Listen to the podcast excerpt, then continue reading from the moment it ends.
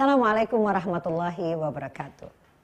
Bila Anda menonton, apalagi Anda mencari channel ini, Anda sungguh-sungguh orang tua yang hebat, peduli, dan pembelajar. Kali ini kita akan belajar bagaimana mengasuh anak tangguh di era digital. Kita akan bersama dalam tujuh sesi ke depan. Mengapa? Bukankah kita beberapa hari terakhir ini selalu melihat dan mendengarkan berbagai macam kasus kejahatan seksual yang meningkat terus kekejamannya dari hari ke hari. Ia kan sangat mencengangkan, membingungkan, dan menggusarkan. Bukan hanya saya, tapi pasti Anda juga. Oleh sebab itu pantaslah rasanya ya kita menamakan bukan lagi kejahatan seksual, tetapi kebiadaban seksual yang pelaku dan korbannya sama-sama anak-anak. Mereka anak-anak kita. Mereka anak Indonesia. Satu-satunya masa depan kita bersama. Jadi ada tujuh pilar pengasuhan untuk membangun anak tangguh di era digital. Pertama adalah kesiapan kita sebagai ortu. Kedua, mengokohkan keterlibatan ayah dalam pengasuhan. Yang ketiga, tujuan pengasuhan harus jelas. Yang keempat, komunikasi yang benar, baik, dan menyenangkan. Yang kelima adalah pendidikan agama yang harus dilakukan oleh kedua orang tua. Keenam, mempersiapkan anak kita sebelum balik. Dan yang ketujuh, bijak berteknologi.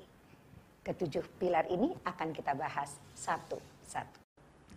Jadi di sesi pertama ini kita akan bicara tentang kesiapan kita bagaimana menjadi orang tua, konsekuensinya apa, dan apa yang perlu kita tingkatkan dan kita sempurnakan. Dalam seminar-seminar parenting yang setelah saya selenggarakan bertahun-tahun, saya selalu menanyakan kepada para orang tua, apakah itu bapak dan ibu, siapa ya di antara bapak-bapak yang siap menjadi ayah sebelum menikah atau siap menjadi ibu sebelum menikah? Jawabannya, iya, semua kita tidak siap. Dan khususnya alasan yang disebutkan adalah, ya kan nggak ada sekolahannya. Bayangkanlah, semua profesi di sekitar kita perlu sekolah kan? Supir, satpam, dan sebagainya namun kita mengandung, melahirkan, membesarkan anak, kita nggak siap jadi orang tua. Jadi sebagai seorang pembicara, saya harus jujur pada diri sendiri dan jujur pada Anda. Nggak boleh munafik, ya kan? Dulu saya berpikir bahwa dengan mengaji, ibu dan bapak saya pergi ke sekolah agama, lalu menempuh jurusan dalam bidang psikologi, belajar parenting uh, di luar negeri. Saya pikir saya siaplah menjadi ibu. Ternyata zaman berubah ya kan? Perkembangan ilmu pengetahuan begitu canggih, menghadirkan kita banyak sekali perubahan-perubahan. Jadi saya dan Pak R, Pak Risman maksud saya, sama-sama jatuh bangun untuk mengasuh anak kami. Kini kita ternyata harus menjadi pembelajar yang tiada henti untuk bisa menjadi orang tua yang tangguh, apalagi mengasuh anak di era digital. Ternyata ilmu pengetahuan berkembang, zaman berubah, tantangan menjadi-jadi, ya. Tetap saja sebagai orang tua, saya dan Pak Risman jungkir balik, kadang-kadang sama rata sama tanah, ya. Masih saja belum siap untuk menjadi ortu. Ternyata kita harus menjadi pembelajar sejati. Dan itulah mengapa kita bersama-sama di sini kali ini. Jadi yuk kita mulai dari membicarakan bagaimana saat Anda atau istri Anda hamil ya. Pertanyaan pertama adalah apakah Anda dan istri Anda bahagia, bersyukur ketika mengetahui bahwa Anda atau istri Anda hamil. Karena beda banget lah ya, orang yang bersyukur, bergembira menyambut kehamilan atau menyambut anaknya dari orang yang was-was, ketakutan, dan cemas. Ya kan? Uh, setulus hati apa enggak sih gitu. Karena ini menentukan sekali masa depan anak itu. Saya ingin memperkenalkan kepada Anda falsafah menggenggam air. Yuk kasih tangannya begini pada saya. Oke, saya teteskan air di situ. Yuk bayangkan ya, saya teteskan air. Genggam. Iya. Bisa nggak Anda menggenggam air? Enggak. Iya. Kenapa nggak bisa? Keluarkan dari sela-sela jari. Persis. Jadi walaupun Anda tidak tunjukkan kepada siapa pun, kalau Anda berbahagia, kebahagiaan itu memancar dan apabila anak itu sudah lahir, anak itu itu juga terpancar pada anak Anda. Ya, tapi kalau Anda tidak bahagia, Anda tertekan, ya. Anda ketakutan, cemas, sama. Anda mengeluarkan aura itu kepada orang di sekitar Anda, termasuk bayi Anda. Oke. Jadi ini penting banget mengapa Anda bisa sekarang mengenali kelakuan anak Anda, lihat ke belakang. Anda bersyukur atau ketakutan dan cemas. Baiklah. Yang penting sekarang apa pun ya kalau misalnya orang bertanya, jadi gimana dong Bu ya kalau dulu saya tuh cemas. Yuk kembaliin lagi rasa syukurnya. Pasti Allah punya rencana untuk memberikan untuk menjadikan Anda orang tua, ya kan? Nah, sekarang yang kedua, yuk kita rasakan bahwa kitalah yang diberi amanah itu. Tidak semua orang kan bisa jadi kayak Anda atau jadi kayak saya punya anak, walaupun berapapun ngebetnya belum tentu bisa dapat, ya kan? Jadi rasa syukur itu untuk mengetahui bahwa kita yang dipercaya, bahwa kita telah dipilih, Berarti begitu Allah memberikan benih itu di dalam tubuh kita atau di dalam tubuh istri Anda. Anda, saya, kita adalah babysitternya Allah. Tapi kecenderungan kita apa? Kita suka mensukontrakkan amanah Allah itu ke tangan orang lain. Pertanyaan pertama adalah, apakah mereka juga punya ya, rasa tadi itu? rasa bersyukur, rasa diberikan amanah dalam dia mengasuh buah hati kita. Ikatan kasih sayang yang diciptakan Allah antara kita dengan anak kita. Lewat rahim, tali pusar, kemudian lewat air susu. Itu adalah ikatan yang luar biasa. Maha besar Allah menciptakan pula di otak kita ini ada cairan yang keluar terutama berproduksi pada saat di atas 4-5 bulan untuk memperbanyak air susu. Cara ini bernama oksitoksin yang kalangan kalangan para ilmuwan mengatakan bonding hormon. Oksitoksin inilah yang mengikat antara ayah dan ibu dengan anaknya. Ikatan itu yang tidak Allah berikan kepada orang lain, kecuali kepada orang tuanya. Apakah tepat kalau kita menyerahkan pengasuhan anak kita ke tangan orang lain? Anak kita adalah takdir, dia terberikan. Kita nggak bisa milih. Anak itu juga nggak bisa milih kita, ya kan? Misalnya gini, saya kepengen sekali dulu anak sulung saya rambutnya keriting, kalau ditarik balik lagi gitu, matanya belok, bulu matanya melentik, yang lahir rambutnya jegreng lempeng, ya kan? Bulu matanya juga sama lurusnya sama rambutnya. Nggak bisa milih kan? Jadi hingga anak kita itu tumbuh dan berkembang, mungkin dia menjadi orang yang tidak seperti kita inginkan, apakah kita juga nggak bersyukur? Jadi perlu sekali kita menyadari bahwa Allah itu memberikan anak pada kita. Suka-suka Allah. Nggak mempertimbangkan suka kita, kata Allah. Yusawwirukum fil arhami kaifa yasha. La ilaha illa huwal azizul hakim. Allah sudah menciptakan engkau, kamu, dan saya sejak dalam rahim ibumu suka-suka Allah. Kaifa yasha. Tiada Tuhan selain Allah yang maha berkuasa dan maha bijaksana. Artinya udah ditaker ya. Kita ini orang tua yang kayak apa anak yang diberikan kita itu, kepada kita itu udah pas buat masing-masing kita. Jadi marilah ya sebelum kita melanjutkan pembicaraan kita lebih jauh kita bersyukur. Karena bersama yang ditakdirkan Allah itu ya di situlah ada fitrahnya situ ada DNA-nya yang hanya Allah yang tahu ini anak nanti berkembangnya mau jadinya ke mananya kayak kita ini hanyalah menjadi orang tua yang memberikan fondasi yang bagus, ya, yang sehat, yang gembur. Kalau umpamanya tanaman dari mana anak kita itu akan tumbuh dan berkembang. Jadi semayan ini minimal harus memiliki tiga persyaratan. Satu, baiknya kita mengasuh anak kita merujuk kepada Quran dan Sunnah Rasul bagi teman-teman yang berbeda agama mengacu kepada kitab suci dan aturan dari agama Anda masing-masing. Yang kedua, pengasuhan kita tidak bisa lari daripada kaidah cara bekerjanya otak. kami menyebutnya brain based. Dan yang ketiga, pengasuhan itu harus dilakukan oleh kedua orang tua, bukan salah satu saja. Bukankah tidak terjadi pembuahan apabila tidak kedua ada kedua-duanya? Itu kami sebut dual parenting atau co-parenting, mengasuh bersama. Mengapa pondasi harus sehat, gembur, dan bersih dengan rezeki yang halal dan toyib adalah karena tujuan daripada penciptaan makhluk oleh Allah, termasuk kita, anak keturunan kita, adalah untuk menjadikan mereka penyembah Allah. Keimanannya membuat orang tersebut kokoh seperti yang digambarkan Allah, akarnya menghunjam bumi, pucuknya menggapai langit. Jika anak tumbuh dalam semayan yang bagus dan memenuhi tiga kriteria tadi, spiritual base, brain base, dan co-parenting, maka insya Allah anak kita itu akan jadi permata hati kita. Ya, yang selalu kita omongin ke mana-mana. Tapi apabila kita gagal menyemai yang baik di atas semayan juga yang baik, anak kita satu akan jadi ujian, dan bisa menjadi musuh kita. Kalaulah otak sudah rusak karena pengaruh teknologi, bayangkan bebannya akan kita hadapi. Yang penting sekali harus kita ingat, anak bukan hanya investasi dunia.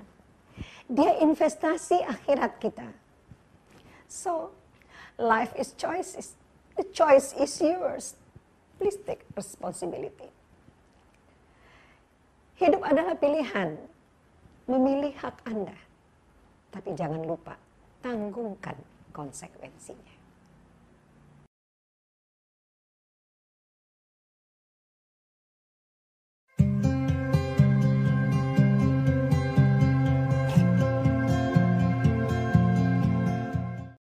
Jadi teman-teman, orang tua yang penuh kasih sayang dan pembelajar. Kali ini kita akan membahas tentang bagaimana mengukuhkan peran ayah dalam pengasuhan.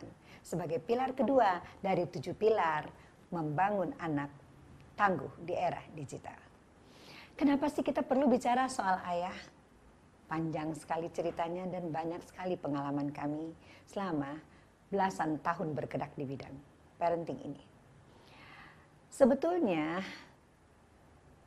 di era digital seperti ini, peran ayah sangat signifikan. Tapi dari pengalaman kami justru hilangnya peran ayah ini yang membuat anak benar-benar menjadi tidak tangguh. Contohnya, banyak sekali anak-anak yang ternyata kecanduan pada berbagai hal dari internet, games, pornografi, dan lain sebagainya. Kalau ditilik ke belakang, itu adalah mereka yang sebetulnya kurang dapat perhatian ayahnya dengan benar.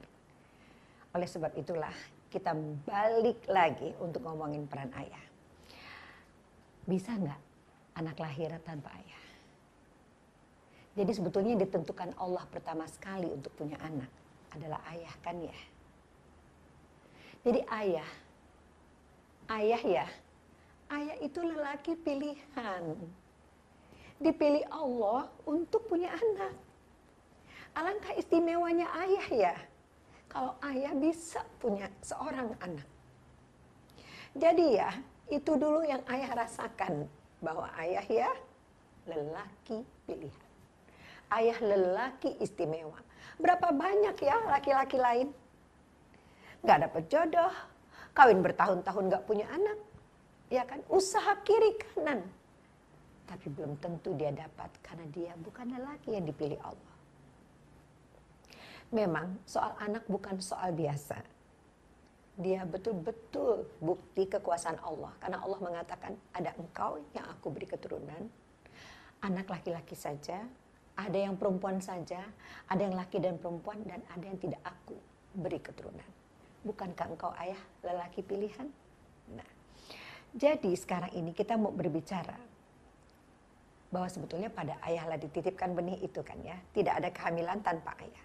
Oleh karena itu ya, ayahlah yang menjadi pemimpin dalam keluarga. seorang teman saya, Muktamimul Ula, mengatakan bahwa ayah adalah penentu GBHK, yaitu garis-garis besar haluan keluarga.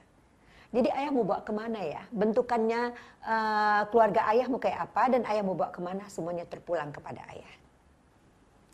Jadi ayah, bentuk keluarga yang seperti apa yang ayah inginkan? Kalau diumpamakan pada gelas, bentuk seperti ini kah?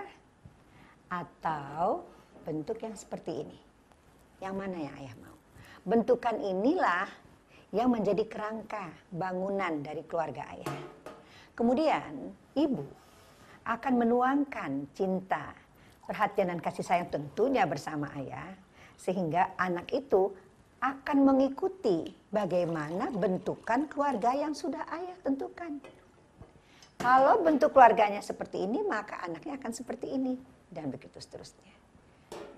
Ayah jadi diperlukan dua orang. Ayah dan ibu dalam membentuk, membesarkan dan mengasuh kedua anaknya. Bayangkan kalau salah satu tidak hadir, secara fisik, psikologis, maupun spiritual. Tapi kita akan bicarakan bagaimana kalau takdir menentukannya lain berikutnya. Teman-teman sekalian, ketika kita bicara tentang kesiapan menjadi orang tua, kita telah membahas bahwa penciptaan manusia oleh Allah tidak lain adalah untuk menjadikan penyembah Allah. Illa liya'bud. Jadi, banyak sekali contoh di dalam Al-Quran. Bagaimana Nabi Adam terus-menerus menasihati anaknya dan menghadapi keangkuhan mereka. Sampai terjadi pertumpahan darah. Bagaimana Nabi Nuh menghimbau anaknya untuk naik ke perahunya karena Allah.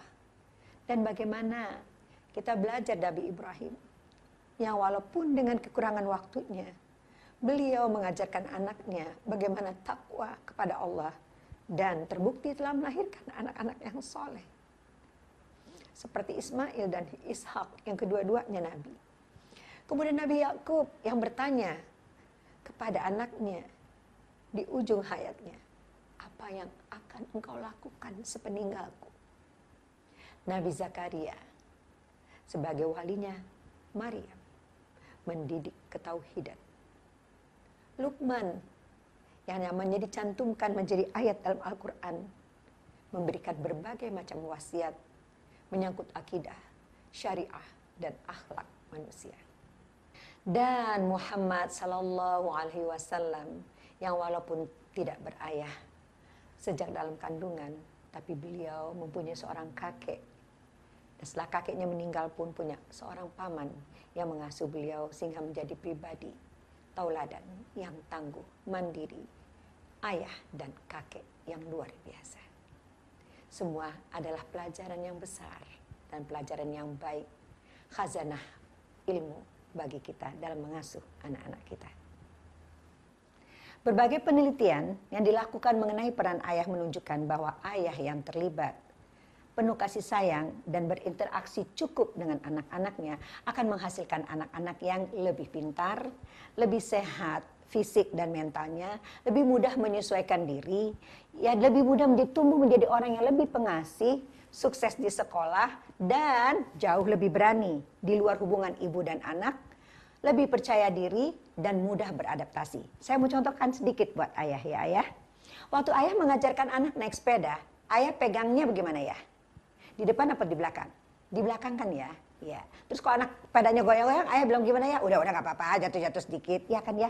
Kalau kami ya, sebagai ibu, ngajarin anak naik sepeda, kami pegangnya di setang. Ya, kami takut, ya kan? Kalau ayah kan suka ngangkat tangan anak atau dudukin anak begini kan, kami akan bilang bagaimana? Ah, ya, ya, ya, patah tuh, ya patah. Tulang belakangnya gitu kan. Ayah mah tenang aja.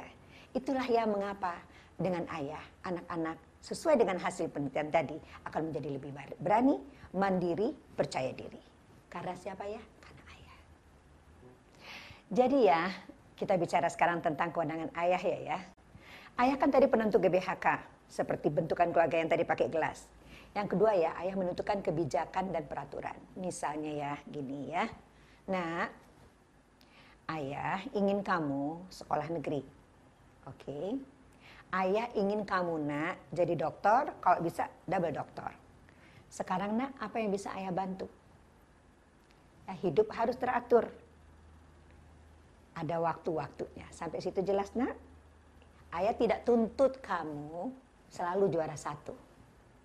Setelah itu ayah akan melakukan pembimbingan karena ayah bertanya apa yang bisa ayah bantu.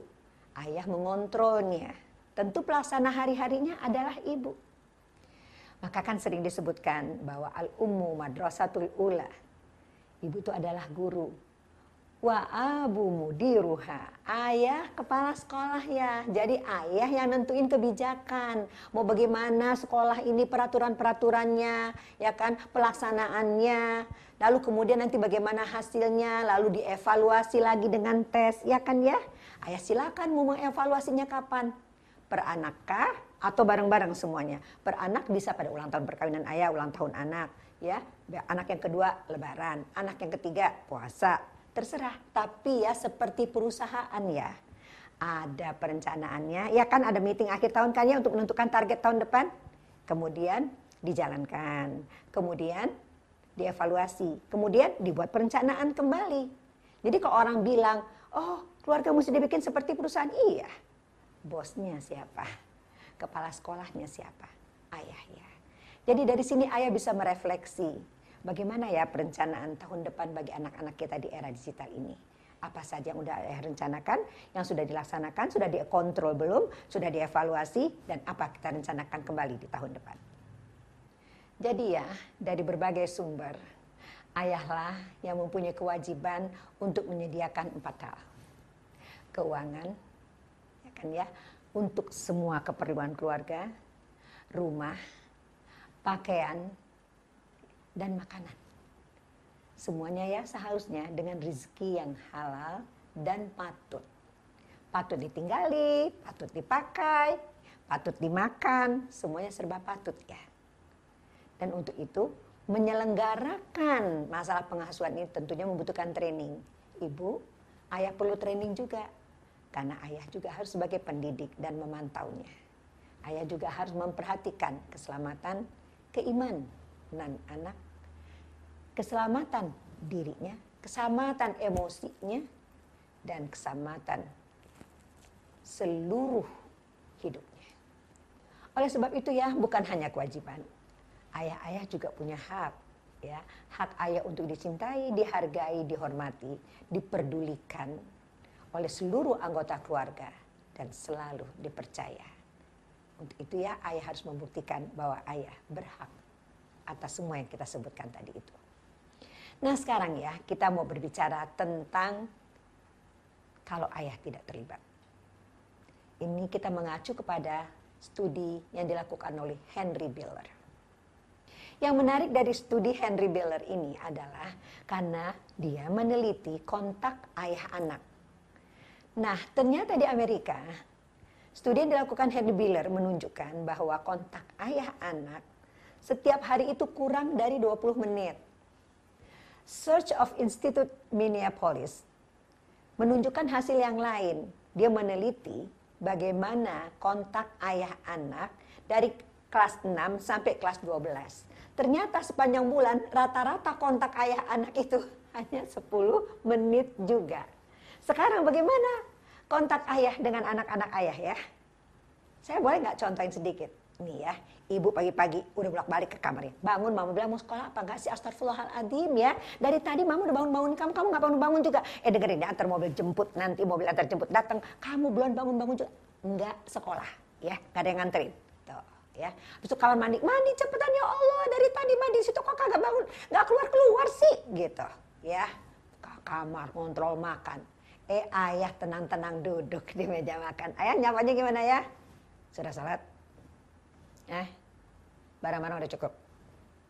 Jadi ikut ayah apa enggak? Ayo, berapa menit ya ngomong begitu ya. Terus nggak ngomong lagi kan ya, yang ngomong ntar anaknya kadang-kadang, ayo ngomong segitu-gitu pendek kan ya. Oke ya, total pagi berapa menit ya? Dua menit kan ya, paling banyak tiga menit deh ya. Sepanjang hari nggak ketemu. Sore kalau ayah pulang kadang-kadang anak udah tidur, ya kan? Kapan ayah ngomongnya? Kalau ngomong lagi ayah bilang apa? Udah belajar apa belum? Ada PR nggak? Dengerin ya nak, kamu tugasnya belajar, sholat, ngaji, bantu mama. Faham? Ayah cari uang untuk memenuhi semuanya. Berapa menit tuh ya kalau ngomong begitu? Jadi kalau di jumlah pagi tadi ya sama sore ini berapa ya per hari? Gak nyampe 10 menit kan? Nah, bagaimana ya tadi memenuhi semua ya kewajiban dan kewenangan ayah tadi itu? Satu studi lagi yang menarik sekali, yang ada kaitannya dengan ketangguhan anak di era digital. Ini adalah tesis sahabat saya, dia Karisi Makarim, yang mengambil uh, magisternya di Fakultas Psikologi Universitas Indonesia. Ya, topik daripada tesis itu adalah kebebasan melakukan seks dan hubungan dengan ayah. Ternyata ya, anak-anak laki-laki ayah yang kurang mendapatkan kehadiran ayahnya secara fisik, psikis, dan spiritual, itu akan membuat anak laki-laki ayah ya, satu nakal, dua agresi, ketiga ayah muda kena narkoba, keempat ya gampang melakukan seks bebas. Kalau anak perempuan ayah ya, lebih mudah depresi, lalu baru seks bebas. Jadi ya, Sungguh ayah sangat dibutuhkan secara signifikan dalam pengasuhan agar anak tangguh di era digital. Kenapa ya? Seperti bejana berhubungan ya. Diisi di sini harus diisi di sini. Lagi pula ya, anak kita ya membutuhkan otak kiri ayah yang ngomong pendek-pendek itu. Ayah kan kalau sebelum ngomong kan ayah menentukan dulu tujuannya kan kan ya. Dan ayah bicaranya langsung sesuai dengan tujuan itu. Kalau kami ya ibu-ibu Pertama, otak kami lebih kuat ke otak kanan. Kata-kata kami persediaannya lebih banyak ya 20 ribu. Ayah cuma 7 ribu. Makanya ayah hemat-hemat kan ya. Jadi kalau kami ngomong panjang. Kayak tadi itu kayak ngebangunin anak. Coba kalau ayah datang ke kamar, ayah bilang apa ya? Bangun. Sekolah apa enggak? Iya, bener kan? Oke. Jadi anak kita membutuhkan konten-konten, pesan-pesan yang disampaikan dengan otak kiri. Kayak tadi itu, ayah mau kamu jadi dokter. Kalau bisa double dokter. Ya, tapi sekolah harus negeri. Karena ayah pegawai negeri. Kalau kamu sekolah di tempat lain, kamu suruh ayah korupsi. Jadi anak belajar apa yang bisa ayah bantu? Pendek-pendek, nancep ya. Anak yang udah selesai S1, udah kawin, udah punya anak sesuai dengan harapan ayah, tiba-tiba dia ngambil S2. Kita tanya, loh bagaimana sih kamu kan punya anak kecil masih ambil S2? Mah, dulu kan mah, waktu aku masih SMP, ayah bilang, ayah pengen aku jadi dokter. Mas, sekarang ayah 56 tahun. Kalaupun ayah nggak bisa menyaksikan aku jadi dokter, Minimal aku ingin menunjukkan kepada ayah ma bahwa aku bisa master. Begitu ya. Kata-kata ayah yang pendek-pendek dan tegas itu menghunjam dalam jiwa anak ayah ya. Bicara pada anak. Dekaplah ya. Berikanlah validasi dengan 3P. Satu. Terima ya anak ayah apa adanya. Kan kita tidak bisa milih anak seperti apa dia kan terberikan Yahya seperti itu. Tapi dia amanah ya. Seperti kita bicarakan pada kesiapan orang tua yang lalu. Kedua ya, hargai apa saja yang dia bisa lakukan sesuai dengan keunikan dan kemampuannya. Ketiga, jangan pelit sama pujian ya. Pujilah anak ayah sepatutnya. Dengan tiga hal ini ya, anak ayah merasa berharga. Dia keberhasilan ayah bukan pada harta yang ayah kumpulkan. Pangkat ayah yang tinggi yang harus dibanggakan bukan ya. Keberhasilan ayah adalah apabila anak ayah mengatakan kepada ayah, "Ayah, kalau aku besar nanti, aku ingin seperti ayah." Dan ketika saya bertanya pada anak perempuan saya, apa yang dia inginkan dalam hidupnya? Dia bilang, aku pengen cari suami, ma. Kalau bisa, kurang lebih seperti ayahku. Menurut kami, ayah itu jauh lebih berharga. Jadi semua harta yang ayah kumpulkan dengan kesibukan ayah. Karena kami mendapatkan data bahwa banyak sekali ayah tidak sempat bicara pada anak-anaknya karena dia sibuk bekerja dan tidak punya waktu karena itu. Lalu ayah juga tidak bicara pada anaknya. Karena dulu ayahnya juga diam. Ayah tidak bicara pada anaknya karena nggak tahu bagaimana memulainya. Tapi kalau ayah mengingat bahwa ayahlah penanggung jawab utama dan ayah adalah pemimpin dan ayah akan ditanya tentang kepemimpinan ayah. Dan ya panasnya kulit ditetesin cairan timah Ayah akan menanggalkan semua itu. Ayah menanggalkan ayah yang diam. Ayah menanggalkan waktu yang tidak ada. Ayah akan atasi dengan mencari kiat bagaimana ayah bisa bicara dengan anak ayah. Ayah akan menjadi ayah hebat. Kami percaya. Ayah adalah ayah yang hebat. Ayah memenuhi semua fungsi itu ya, kami tidak khawatir. Anak kita tidak tangguh di era digital. Dan tidak akan kami sebutkan lagi. Indonesia is a fatherless country. Negara yang tidak berayah karena ayah ada tapi ayah tiada. Selamat berjuang ayah. Menjadi ayah hebat. Ayah yang kami cintai. Ayah masa depan Indonesia. Nah, sekarang bagaimana kalau takdir menentukan lain? terpaksa tidak berayah karena perceraian di dunia atau perceraian untuk selamanya. Berarti ibu lah yang harus di depan, ibu menjadi ayah juga, menjadi ibu juga. I love you ibu. Pertama bu, jangan lupa bahwa anak kita dijadikan hamba Allah yang takwa. Itu dulu diutamakan. Ini dulu yang ibu prioritaskan. Karena kalau dia udah takwa, dia pegang Quran dalam dirinya bu. Kita jadi tidak perlu terlalu cemas terhadap macam-macam hal ibadahnya baik, akhlaknya mulia. Sekarang caranya Bu, dari penelitian menunjukkan kata-kata itulah Bu yang suka menyakitkan hati. Oleh sebab itu, sebagai orang tua tunggal, saya menghimbau Ibu untuk berhati-hati dalam berkata. Saya menemui tujuh penjahat anak Bu yang melakukan kejahatan luar biasa di penjara anak. Bu, ketujuh-tujuhnya itu punya dendam sama ibunya. Jadi bagaimana pesan sampai kalau kita menggunakan kata-kata yang tidak baik? Satu, saran saya adalah bicaralah pendek-pendek pada anak-anak sampai remaja. Jangan panjang-panjang. Yang kedua, pakai dua telinga bu, lebih banyak dari satu mulut. Yang ketiga, selalu terka dulu perasaan. Baca bahasa tubuh, terka perasaan. Contohnya ya bu, Kenapa nak? Kelihatannya kamu capek sekali ya. Ya Allah, kesel banget. Oh gitu. Ya ampun, gak enaknya. Nah, kalau ibu rasa ingin memberikan nasihat di situ, gigit bu, lidahnya gigit. Ya, ntar sore kak, 30 menit lagi kek ya. Jangan mengatakan bahwa menasihati tidak boleh, menasihati wajib. Tapi tidak dilakukan pada saat emosi lagi bermasalah.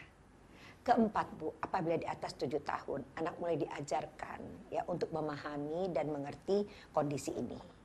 Ya, tidak semuanya berjalan yang seperti kita inginkan, yang kita inginkan tidak kita dapat. Jadi, kalaulah bercerai, bercerailah baik-baik. Jangan dipisahkan anak dengan ayahnya. Yang bercerai itu ibu dengan anaknya, tapi tidak bercerai ayah dengan anaknya. Sebab ayah ini tetap membutuhkan figur ayah yang penting Bu dalam semua masalah ini, kata kuncinya geser. Geser Bu, jangan melihat dari sini saja, lihat dari sini, lihat dari sini, ya. Tidak mungkin terjadi kecuali dengan izin Allah, gitu kan Bu? Maka bijaklah menjadi ibu dan menjadi ayah sekaligus. Satu kuncinya bayangkan anak Anda nanti akan jadi apa? Teruslah berusaha Bu, berdoa pada Allah, insya Allah kesampaian. Percaya deh. Allah tidak pernah bersalah dengan janjinya.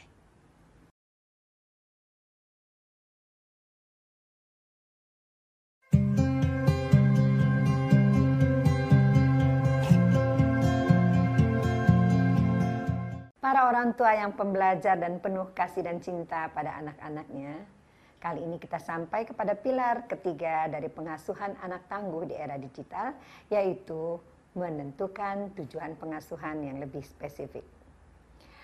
saya ingin sekali memulai dengan bercerita bagaimana perjalanan bisnis parenting yang kami geluti ini sampai pada suatu titik di mana saya selalu bertanya, kalau ketemu orang kenapa ya mereka bilangnya begini, ah Ibu Eli, saya udah berapa kali loh ikut pelatihan dan seminar Ibu. Oh gitu Bu ya, Alhamdulillah terima kasih ya Bu.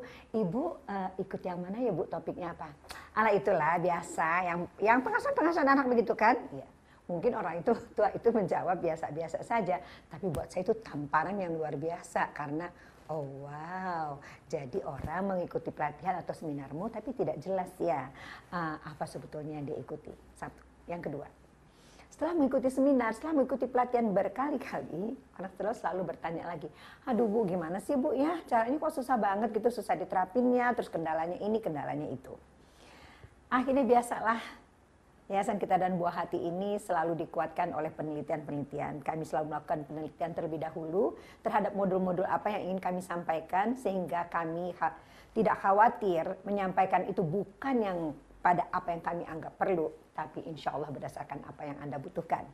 Nah, dalam menghadapi permasalahan ini, tujuannya sih cuma satu. Bagaimana caranya apa yang kami lakukan ini benar-benar langsung bisa menimbulkan manfaat bagi Anda para orang tua pembelajar yang kami cintai. Disepakatilah dari telaahan ini kita melakukan sebuah penelitian. Oke. Okay. Penelitian ini kualitatif study, yaitu pakai bentuk uh, diskusi kelompok, focus group discussion. Dilakukan di berbagai rumah parenting yang saat itu masih bergabung dengan Yayasan Kita dan Buah Hati, yaitu Rumah Parenting Bintaro, Rumah Parenting Bogor, Rumah Parenting Depok, dan Rumah Parenting Bekasi. Siapa audiensnya? Audiensnya adalah ibu-ibu muda berusia 25 sampai 40 tahun, kelas menengah bawah, menengah atas, punya anak dari TK sampai SMP, bekerja dan tidak bekerja. Sebetulnya kami ingin melihat berbagai macam aspek dari pengasuhan yang mereka lakukan, tetapi juga kami ingin tahu sebetulnya di mana ya gitu loh permasalahan ini kenapa ya belajar dan tapi ilmu ini sulit diterapkan. Tentulah ada sebabnya. Lalu saya yang mulai uh, memulai melakukan uh, grup pertama. Dan saya mengikuti pelaksanaan grup-grup berikutnya. Apa yang sangat mengejutkan saya adalah ternyata para orang tua ini tidak merumuskan tujuan pengasuhannya secara spesifik. Ya umum-umum aja. Jadi kepengen anak uh, soleh-soleha. Terus kemudian mandiri, bertanggung jawab, uh, patuh sama orang tua, dengerin orang tua ngomong, dan beberapa lainnya. Yang hilang cuma satu kata, bahagia. Dan yang paling lucunya, berguna bagi nusa dan bangsa. Enggak salah sih kejauhan gitu loh. Banyak hal-hal yang spesifik lainnya tidak terumuskan dengan baik. Nah, ternyata itulah sebabnya. Nggak ada tujuan, jadi nggak ada yang disepakati antara suami istri. Saya ambil contoh. Ada ayah atau ibu-bu, suami ibu, kesebelasan luar negeri, kesebelasan main sepak bola. Favoritnya apa, Bu? Apa? MU. Oke, okay, MU ya. Bu, saya Barkah. Oke. Okay? Nah, sekarang ibu kiper atau bapak kiper, saya kiper. Ini bola nih ya, saya tendang. Langsung ke kiper, apa ke mana? Iya, benar ya. Lewat penyerang belakang dulu, penyandang tengah, gelandang tengah, baru striker kan? Ya saya ngerti lah, kan suami saya pecandu bola. Oke, jadi begitulah. Main bola aja ada golnya. Kenapa jadi kita ngasuh anak nggak punya tujuan? Ya kan? Maka apa yang terjadi kalau kita nggak punya tujuan? Kayak bola itu tadi. Tendang ke sini terus ke mana? Lempar ke sana, lempar ke situ. Berputar-putarlah anak kita di kaki-kaki jiwa orang lain. Kenapa? Karena kita nggak punya tujuan. Akhirnya apa? Kita mengasuh bagaimana orang. Berhandphone anak orang, berhandphone anak kita. Masuk sekolah itu anak orang, masuk sekolah itu anak kita. Baju ini anak orang, baju itu anak kita. Pergi piknik orang anak orang, pergi piknik anak kita. Ke shisha anak orang, ke shisha anak kita. Dianterin sama ayahnya sampai depan. Yang benar aja. Kenapa? Nggak jelas tujuan pengasuhan. Nah, Bapak Ibu yang saya hormati, tujuan pengasuhan ternyata harus serius ya itu dibedakan berdasarkan otak yang diciptakan Allah berbeda. Allah menciptakan otak laki-laki dan otak perempuan berbeda. Artinya jadinya mengasuh mereka juga berbeda. ya kan? Kata-kata yang digunakan juga jumlahnya berbeda kalau ngomong sama anak laki-laki dan ngomong sama anak perempuan.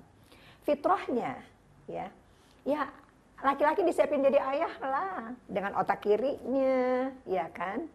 Dengan rasio lemak di tubuhnya, ketahanan fisiknya, ya kan? Dengan fungsi zakarnya.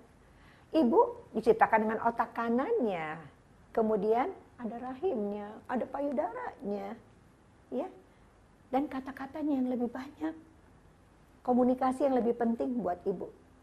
Cairan otak yang keluar juga serotonin. Kalau bapak kan testosteron lebih banyak. Jadi hal ini mesti harus kita perhatikan dalam merumuskan tujuan pengasuhan. Kemudian tanggung jawabnya juga beda kan? Tanggung jawab anak laki-laki sama tanggung jawab anak perempuan. Tanggung jawab ayah dan tanggung jawab ibu. Dan yang terakhir, kenapa harus dibedakan? Riset menunjukkan bahwa anak laki-laki Anda adalah sasaran tembak bisnis pornografi dan narkoba. Yang disasar apa?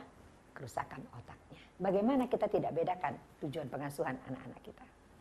Oleh sebab itulah teman-teman, setelah kami olahlah data ini, kami simpulkanlah dan kami sarankanlah kepada Anda bahwa tujuan pengasuhan itu paling tidak ada tujuh.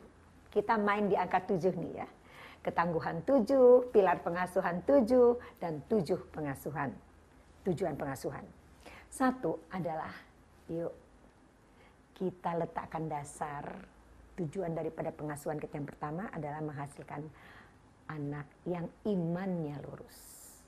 Ya, karena banyak sekali gangguan untuk membelok-belokkan keimanan anak kita. Kemudian ibadahnya baik, akhlaknya mulia. Itu dulu. Ngerjain ini aja nih dari kecil sampai pradewasa. Habis waktu. Habis tenaga, biaya yang juga gede. Ya. Yang kedua, kita jadikan anak kita calon suami yang perempuan calon istri. Yang ketiga, kita jadikan anak kita calon ayah, calon ibu. Banyak sekali kan, sudahlah kita tidak siap jadi orang tua, janganlah pula anak kita nggak siap jadi orang tua. Ya kan, cukup kita potong sampai di sini saja. Sampai kita saja, kita tahu bagaimana babak belurnya. Nggak punya kesiapan jadi suami istri dan jadi orang tua. Yang keempat adalah untuk menjadi profesional. Di sinilah baru kita sibuk mikirin sekolahnya ke mana. Jurusan bahasa Arab terus nantinya atau jurusan bahasa Inggris atau ke sains atau ke mana. Itu terserah apabila kita bisa meneliti anak kita dengan baik kita tahu ke arahnya ke mana. Di sinilah baru sibuk kita cari sekolah. Sampai situ dulu ya teman-teman pertanyaan saya.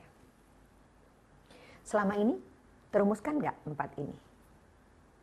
Ya kan? Bisa nggak kita serahkan kepada orang lain tentang keimanan yang lurus, ibadah yang baik, dan akhlak yang mulia? Persiapan jadi suami, jadi istri, persiapan jadi ayah, jadi ibu. Ya kan, kok profesional yang banyak nih memang membutuhkan pertolongan orang lain. Jadi kita sibukkan, tersibukkan oleh hanya yang keempat ini kan ya, satu dan empat ya. Satu pun ini nggak lengkap. Baiklah. Sekarang, kalau anak perempuan teman-teman, cukup sampai empat ini saja atau sampai yang berikutnya. Ya, bagaimana anak-anak kita ini menjadi bermanfaat bagi orang banyak. Khairun nas anfa'uhum linnas. Sebaik-baiknya manusia yang bermanfaat buat orang lain. Itu jadi goal juga. Kalau enggak ya habis di PR les, PR les, PR les. Pulang capek ya, main gadget. Ya kan? Bergadget anak orang, bergadget anak kita. Nah, kalau anak perempuan segitu, anak laki-laki ada dua lagi tambahannya. Bagaimana? Dia juga harus jadi pendidik. Pendidik siapa? Pendidik anak dan istrinya. Yang keempat, dia jadi pengayom. Bukan hanya mengayomi anak dan istrinya, tapi mengayomi keluarga besar. Mengayomi juga saudara-saudaranya, keponakan-keponakannya. Entah ada yang dipanggil lebih dulu, ada anak yatim. Ada entah yang barangkali Allah takdirkan dia rezekinya tidak sebaik yang lainnya. Ini jadi pengayom. Kalau ibu tua, yang ngurusin ibu ke rumah sakit, bapak ke rumah sakit menentukan obat ini uh, generik ataukah import, operasi atau tidak, nah untuk min dalik. Anak perempuan apa anak laki? Anak laki. Ya. Lagian kan dia memang dapat warisan lebih banyak. Dan dia perlu kita perhatikan karena dialah insya Allah yang akan mensolat jenazahkan kita. Jadi bagaimana caranya? Bapak dan Ibu. Dasarnya adalah teladan. Ya, teladan. Contoh bicara lebih daripada berjuta kata-kata. Kedua, banyak bercerita, dialog. Dari riset kami juga, dialog inilah yang banyak hilang dalam pengasuhan Indonesia. Pagi tergesa-gesa sepanjang hari nggak ketemu, sore tergesa-gesa. Ya yang ada apa?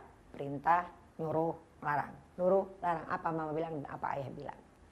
Lalu yang berikutnya adalah dibuatnya aturan, aturan, batasan yang disepakati bersama apabila anak udah berada di atas usia tujuh tahun, ya. Dan yang jelas harus ada konsekuensi. Karena apa pun perbuatan kita di dunia, kedua malaikat mencatat, ya. Kaki tangan kita juga mencatat ketika mulut ditutup Allah. Jadi dari kecil ajarkan pada anak kita konsekuensi, laki kah atau perempuan. Nah, Bapak Ibu sekalian, kelihatannya sepele, ya. Semuanya akan bisa kita lakukan apabila kedua ayah dan ibu bekerja sama, mendidik, mengasuh, ya, dengan cinta, kasih, landasannya adalah amanah. Jangan kita dapat anak kita baik-baik dari Allah. Semuanya sempurna. Kita pulangin di era digital ini dalam keadaan bonyok otaknya. Nah, untuk bilang dalik, selamat berjuang. Rumuskan kembali tujuan pengasuhan Anda dan sepakati. Jadi teman-teman, mengasuh itu juga harus seperti membangun sebuah profesi. Ya. Hidup ditentukan blueprintnya, paling enggak menurut kita manusia. ya. Tentukan finish line dan masa depan sesungguhnya janganlah terlalu khawatir apa semuanya apabila sudah tertata kita usahakan semaksimal kita bisa kita berdoa kepada Allah ya. Masa depan adalah ruang hampa. Biarkanlah anak itu mengukirnya sendiri.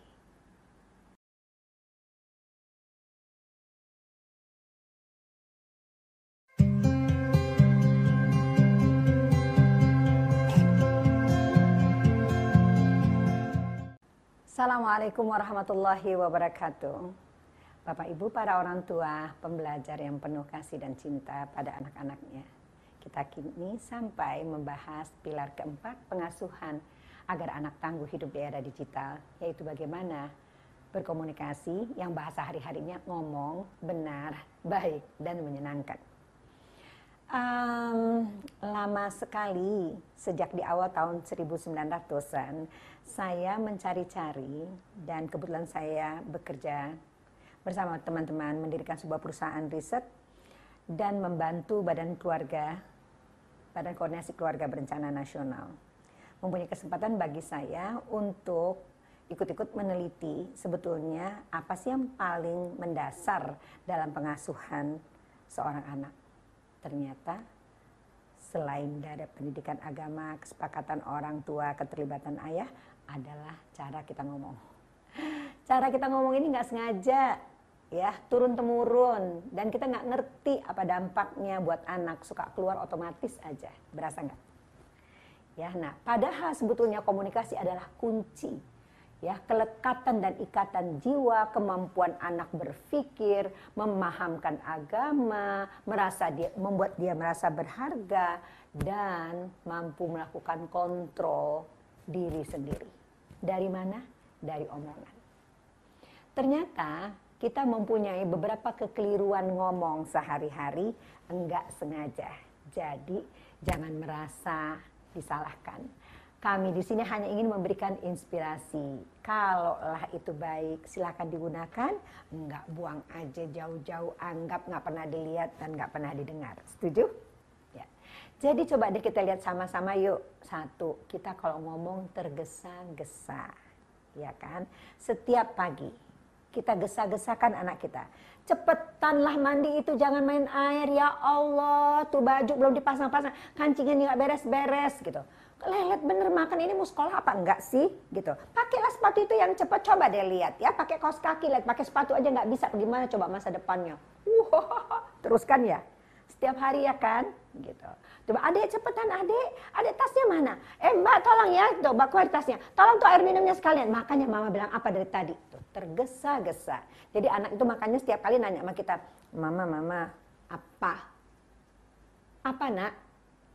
Uh, uh, mama lihat nggak sih uh, topiku di mana? Makanya mama bilang apa topi taruh di tempatnya? Astagfirullahaladzim ya anakku pengen taruh di mana setiap pagi nanya itu lagi itu lagi itu lagi itu lagi. Ya ibu ngomongin kayak begitu. Kapan anaknya ingat? Makanya dia bilang sambil pegang backpacknya dia bilang ya Allah kapan ya mama bilangnya itu topiku harus ditaruh di laci kedua di bawah TV karena ibunya ngomong buru-buru. Jadi satu kita bicara tergesa-gesa kedua kita nggak punya kesempatan untuk mengenal diri kita sendiri. Contohnya kalau saya minta ibu mengenali tiga keunikan ibu dalam satu menit, gampang apa susah?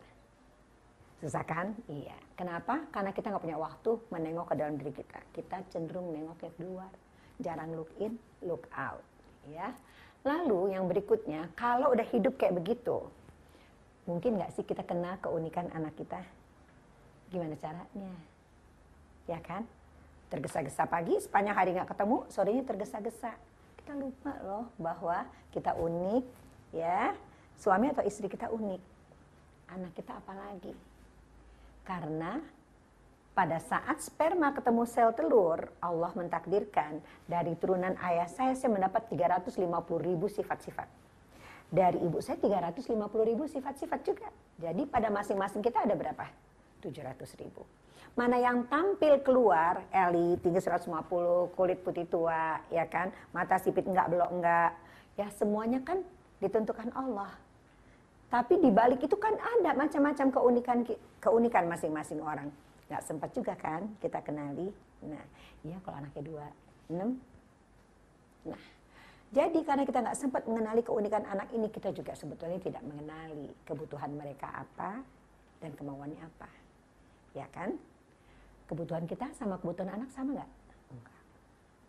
Kemauan kita sama kemauan anak? Enggak. Kebutuhan kita apa? Semuanya cepet-cepet, rapi, beres. Ya kan? Jangan berantakan. Kebutuhannya anak apa? Iya, main. Main jadi gimana? Berantakan. Akhirnya kita gimana? Ribut. ya. Lalu, yang berikutnya adalah, punya anak laki-laki nggak? Ya, katakanlah namanya Ali ya. Kita bilang sama Ali bagaimana? Ali, jangan lari-lari di dalam rumah. Ternyata Iya, ternyata Ali lari-lari. Terus kita bilang apa? Ali, mama bilang jangan lari-lari. Habis itu Ali ngapain? Lari-lari lagi, ya. Suara naik berapa persen? Bunyinya gimana? Ali, iya. Terus Ali diam sebentar, terus digodain sama adiknya. Mas, mas, gitu. Lari nggak Ali? Lari, ya kan? Nah, terus kita bilang apa? Baru mau teriak yang lima kali, Ali jatuh. Ali nangis. Pertama sekali kita bilang apa? Ayo jujur, jujur, jujur. Bilang apa? Ah, apa? Tuh kan mama bilang terus, makanya mama bilang terus, kuala terus, rasain iya, persis semuanya persis, ya kan? Jadi sekarang saya mau kasih tahu sama bapak dan ibu. Ali bahasa tubuhnya gimana? Kan gini. gitu. Bahasa tubuh ini barusan perasaannya apa? Iya, kenapa nggak bapak ibu bilang begini? Ya Allah Ali sakit ya nak, gitu. Itu pasti alinya begini mak gua apa bukan ya? Gitu kan ya. Oke jadi ya ini yang hilang nih berlanjutnya. Yang udah keberapa tuh? Ulang dulu dong. Satu apa? Bicara tergesa-gesa kedua nggak kenal diri sendiri. Bagaimana jangan-jangan nggak kenal tuh suami teman tidur atau istri teman tidur setiap hari. Yang ketiga lupa anak u unik. Yang keempat Jangan lupa dong, kebutuhan dan kemauan beda. Yang kelima apa? Ayo, tangannya dong ikut begini, Ibu. Ya. Tidak baca bahasa tubuh. Oke, yang kedua, nggak mendengarkan perasaan. Ayo tangannya, nggak mendengarkan perasaan. Ya, kurang punya waktu untuk mendengar aktif. Jadi udah berapa? Tujuh. Oke, kita delapan aja. Sebenarnya banyak. Seminarnya aja tiga jam, pelatihannya dua hari. Oke, yang berikutnya. Sudahlah kita begitu, kita kalau ngomong pakai yang kami kumpul-kumpulkan dari berbagai teori dan riset. Pengalaman selama 18 tahun sudah ini dibicarakan nggak bosen-bosennya ya. Ya itu menggunakan 12 gaya populer. Apa 12 gaya populer? Memerintah. Ali mama bilang diem cukup cep. Mama pusing dari tadi ya. Ali makan. Ayo makan cepetan. Ali mandi memerintah. Bukannya tidak boleh memerintah gitu. Tapi kadang-kadang kita melakukannya dalam keadaan emosi anak bermasalah. Perintah dan larangan harus sekali ya. Tapi kan tadi dari depan dong lihatnya, jangan lihat dari sini aja ya.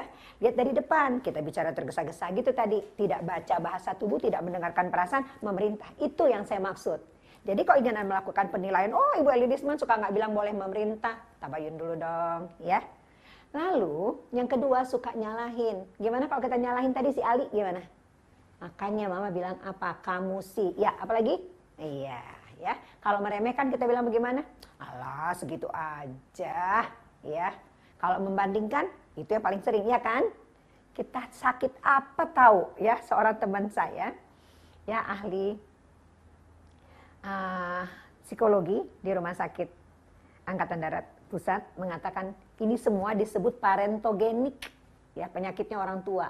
Apa tahu penyakit kita ya? Kita selalu ngeliat anak orang lain lebih ya nggak sih ya? Lebih pinter lebih baik lebih dengerin maknya lebih rajin lebih apa lagi ya ya. Jadi kita nggak sengaja suka membanding bandingkan ya kan? Tuh lihat tuh ya.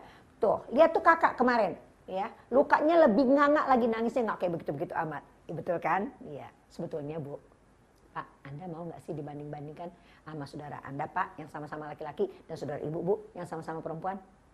Kenapa ibu nggak mau dibandingin? Kenapa bapak nggak mau dibandingin?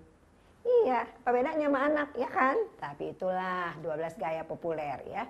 Habis itu kita mencap. Gimana kita mencap anak kita yang tadi si Ali, gimana? Nakal, eh, bandel. Terus nggak dengerin orang tua. Apalagi? Ya, ya terus, terus, terus. Apalagi? Males, ya, lelet. Iya bener, apalagi? Nah, berapa banyak coba Bapak Ibu? Ya tangannya gini dong. Ya, pegang stempel gini.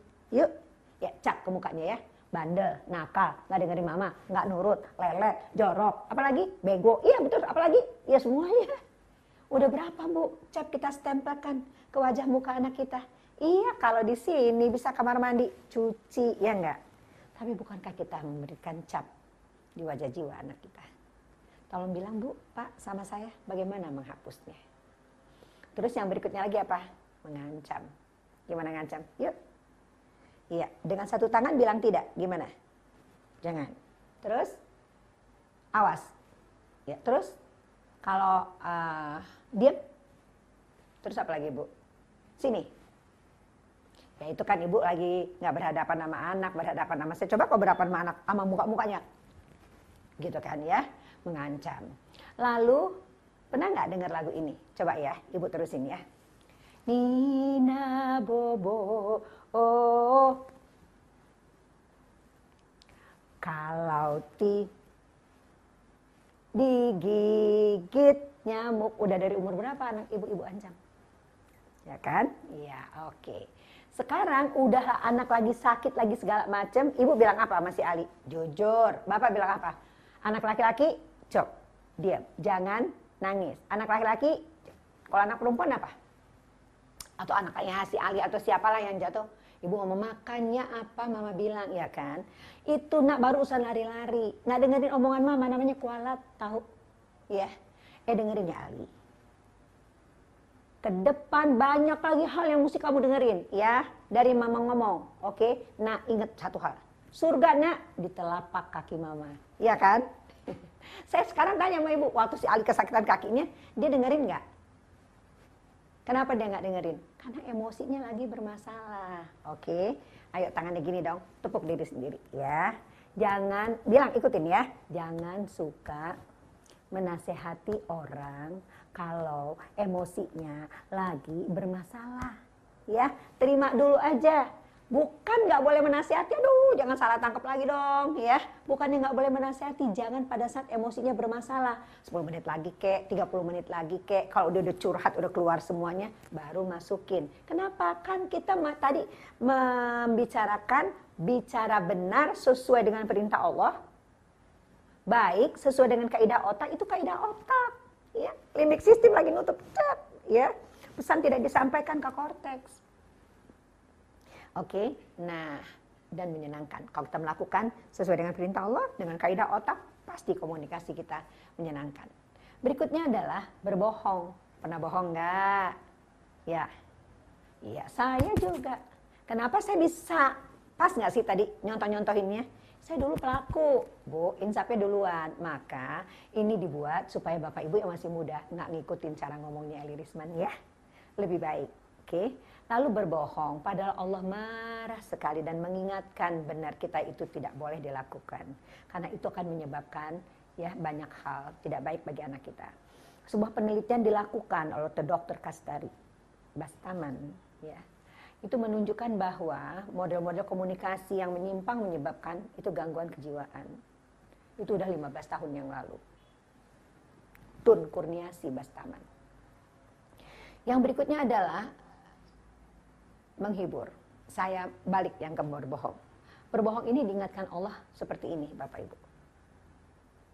وَلْيَحْشَى الَّذِينَ لَوْ تَرَكُوا مِنْ خَلْفِهِمْ ذُرِّيَّةً ضِعَافًا خَافُوا عَلَيْهِمْ فَلْيَتَّقُوا اللَّهَ وَلْيَقُولُوا قَوْلًا سَدِيدًا Hendaknya kamu takut ya meninggalkan anak-anakmu yang kau khawatirkan dia ya tidak sejahtera, doif, lemah di belakangmu. Di belakangmu. Jadi kita berjalan kemana bu? Yang lahat ya. Habis ke mana lagi dong masa depan? Maka bertakwalah kepada Allah dan berkata benarlah. Jadi berkata benar itu perintah. Please jangan bohong lagi. Lalu menghibur. Menghibur, perlu menghibur, tapi menghibur kalau anak lagi bermasalah, menyelesaikan persoalan enggak? Enggak. Terima aja dulu persoalannya ya, hiburnya belakangan.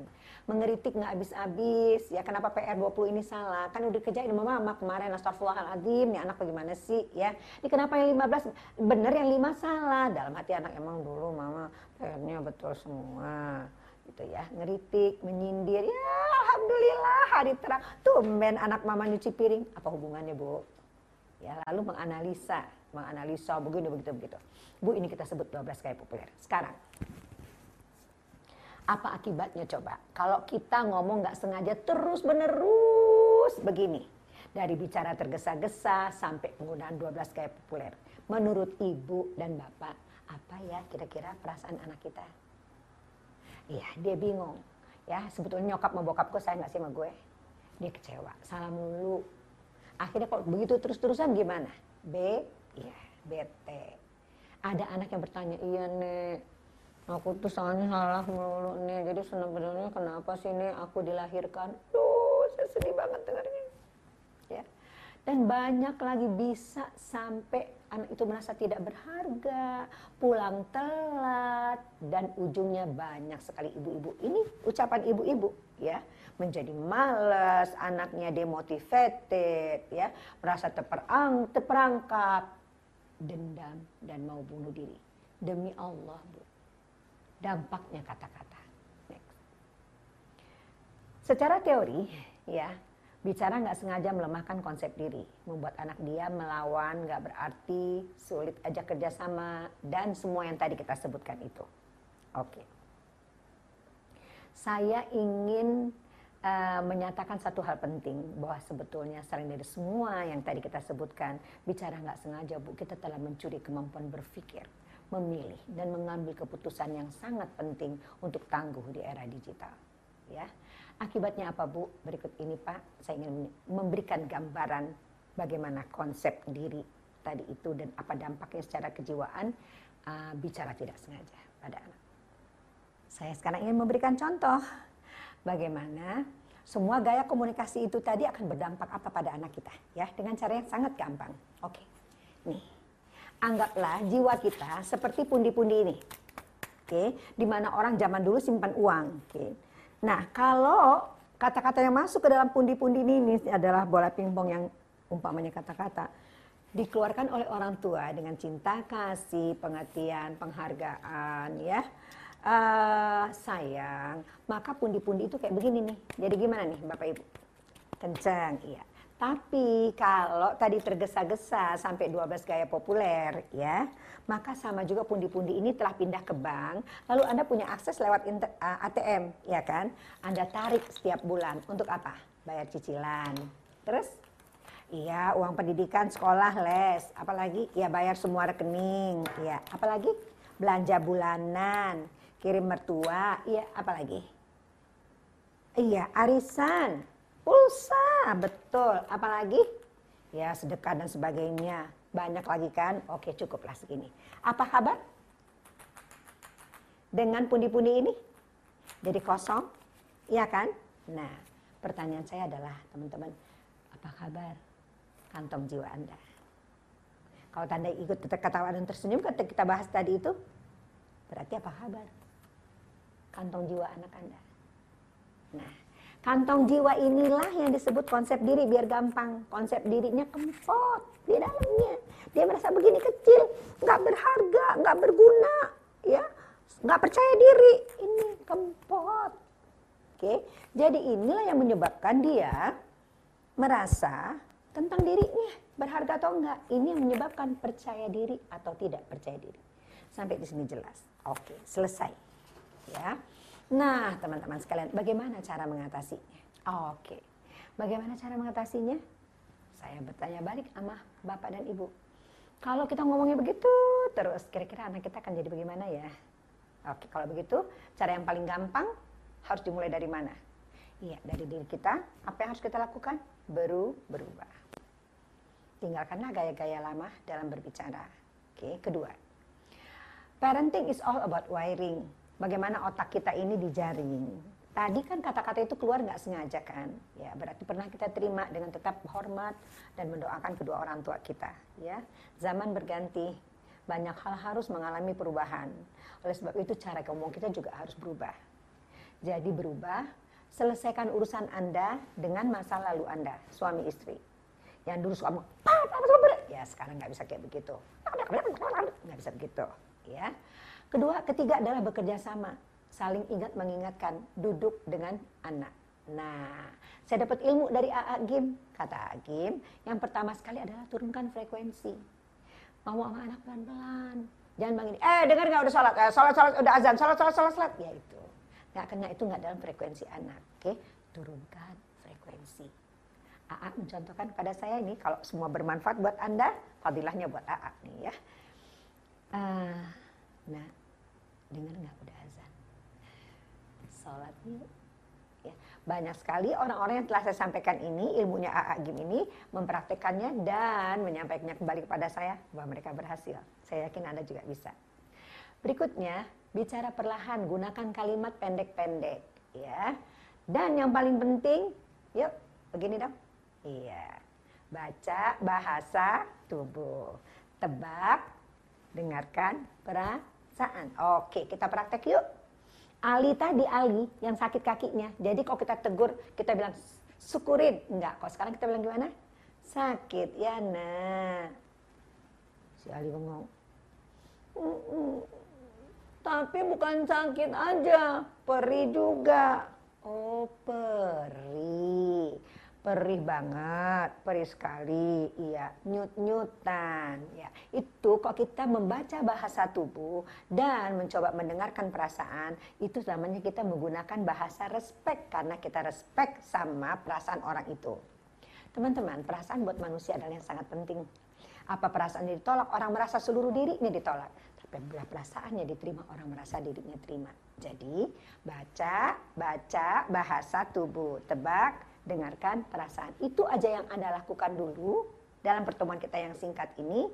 Rasakan kembali kehangatan dalam hubungan anak Anda ataupun antara Anda dengan pasangan dan Anda dengan anggota keluarga terdekat. Selamat berjuang. Selamat mempraktekannya. Kabar-kabarin ya bila ada perubahan. Assalamualaikum warahmatullahi wabarakatuh.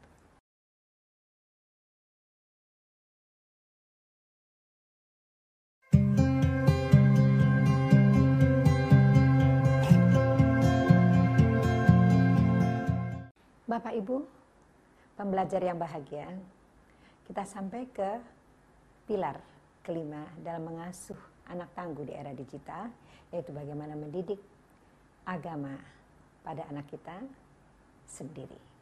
Kita yang melakukannya lebih dahulu. Mengapa? Karena pada pembicaraan kita sebelumnya ketika kita membahas kesiapan menjadi orang tua dan peran ayah sudah jelas benar bahwa siapa yang dititipin benih itulah yang menjadi pendidik dan itulah yang jadi pemimpin dan itulah yang menjadi penanggung jawab dari segalanya.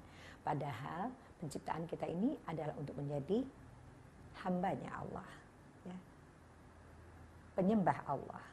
Oleh sebab itu tanggung jawab pertamanya adalah pada kita. Ini dulu lah paradigma cara pandang yang harus kita rubah bahwa tidak bisa dielakkan dari kenyataan dengan berkembangnya industri sekolah, sekolah-sekolah Islam, maka orang berpikir dia cari uang banyak-banyak, bayar uang pangkal yang mahal, bayar uang sekolah yang tinggi, lalu kemudian dia dengan mengirimkan anaknya ke sekolah-sekolah agama itu merasa sudah mendidik anaknya. Kekeliruan ini banyak sekali kita temukan, tapi saya yakin itu bukan Anda. Jadi oleh sebab itu saya menghimbau diri saya sendiri dan mengajak Anda bahwa sebetulnya penanggung jawab daripada pendidikan, keimanan, ibadah dan akhlak anak kita adalah kita dulu. Sedapat-dapatnya kita tunaikan semaksimal mungkin. Jadi bukan anak kita yang belajar. Ya, semua kita kurang apalagi Eli Risman. Ya, saya mencoba membesarkan anak saya dan membuat kelas setiap hari Sabtu selama mereka kecil dari berumur 3 dan 7 tahun sampai mereka remaja. Kebetulan saya berada di luar negeri dua kali dan saya selalu mengundang ah, teman-teman saya untuk mengirimkan anaknya agar anak saya nggak bosan belajar terus sama ibunya. Setelah itu baru di mana saya rasa sudah memang saya tahu keterbatasan ilmu saya, barulah saya minta tolong orang lain dan memasukkan anak saya ke pesantren walaupun mereka sudah kuliah di Amerika. Mengapa? Karena ketakutan pada Allah itu. Saya takut hisap. Jadi, pertama itu dulu yang harus kita sadari bahwa yang dihisap bukan guru TKIT, SDIT atau al-al-al, tapi kita sebagai orang tuanya.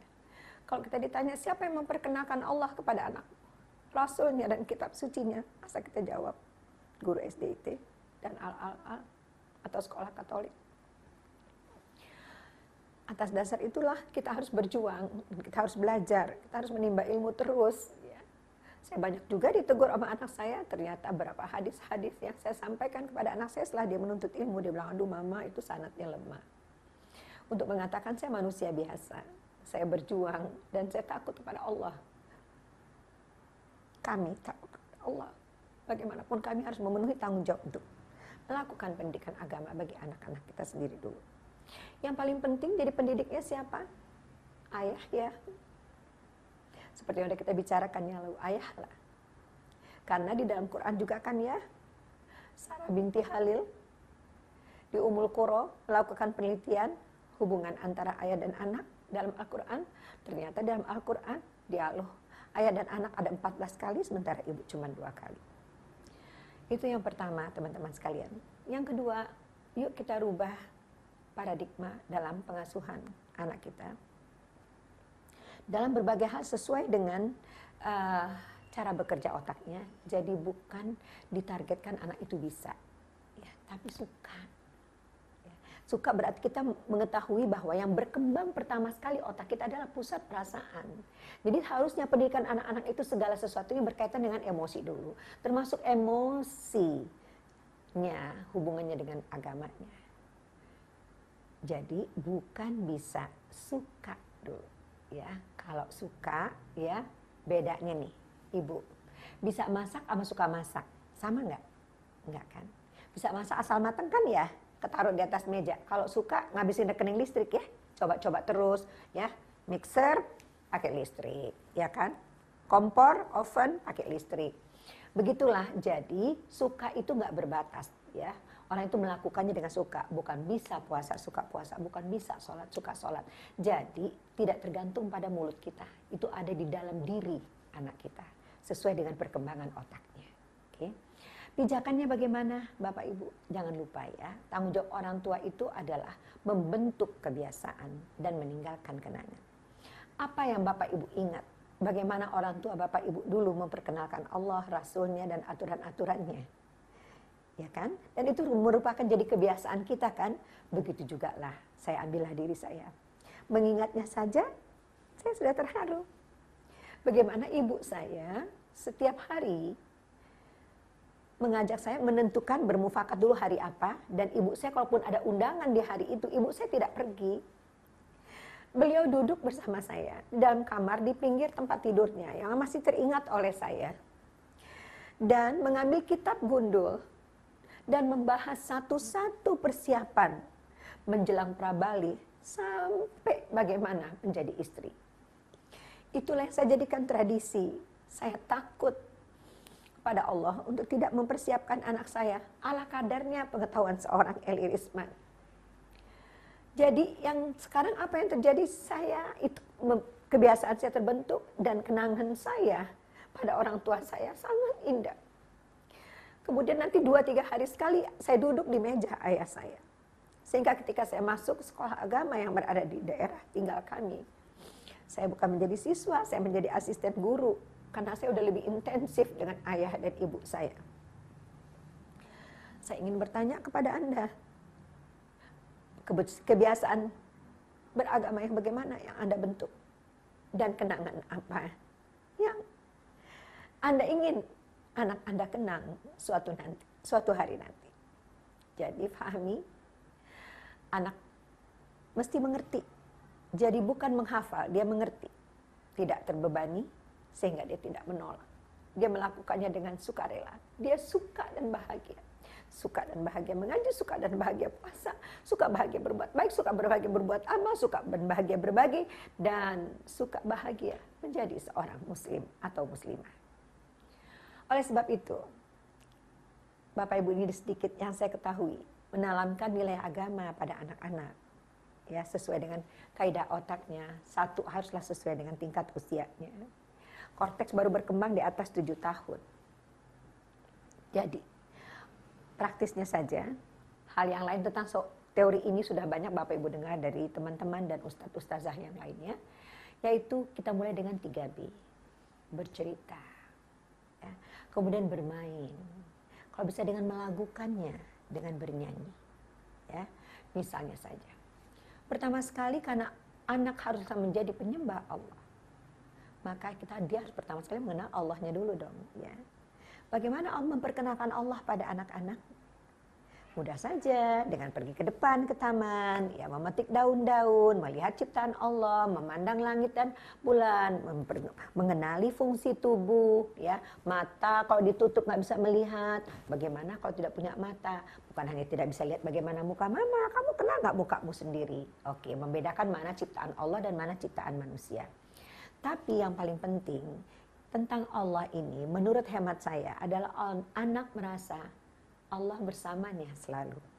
Artinya kalau Allah bersama dia, bersama anak itu, Allah tahu apa yang kita perbuat, bahkan apa yang kita katakan yang tidak kita katakan di dalam hati. Itu dari kecil anak udah tahu karena itu rangkanya untuk tidak berbohong. Kemudian Allah kan menyaksikan ada mama atau tidak ada mama, ada ayah atau tidak ayah kan Allah tahu kamu sholat apa enggak, kamu menahan pandanganmu atau enggak, kamu menjaga kemaluanmu apa enggak, kalau udah menjelang remaja. Allah, Allah bersamaku, Allah menyaksikanku, Allah mencintaiku. Oleh karena itu dengan semua rahmatnya aku mencintai Allah. Kenapa? Karena aku tahu bahwa Allah memenuhi kebutuhanku. Dari kecil anak kita tidak bisa terbeli keimanannya oleh apa pun. Karena dia tahu Allah bersamanya. Allah menyaksikannya. Allah mencintainya. Memberinya berbagai macam rahmat di tubuhnya saja. Ayah dan mama, kakak adik, dan semua fasilitas adalah rahmat Allah. Dan Allah yang mencukupi kebutuhannya. Kita dengarkan bagaimana anak mendendangkannya dalam kehidupan sehari-hari. Allah bersamaku Allah menyaksikanku. Allah memperhatikanku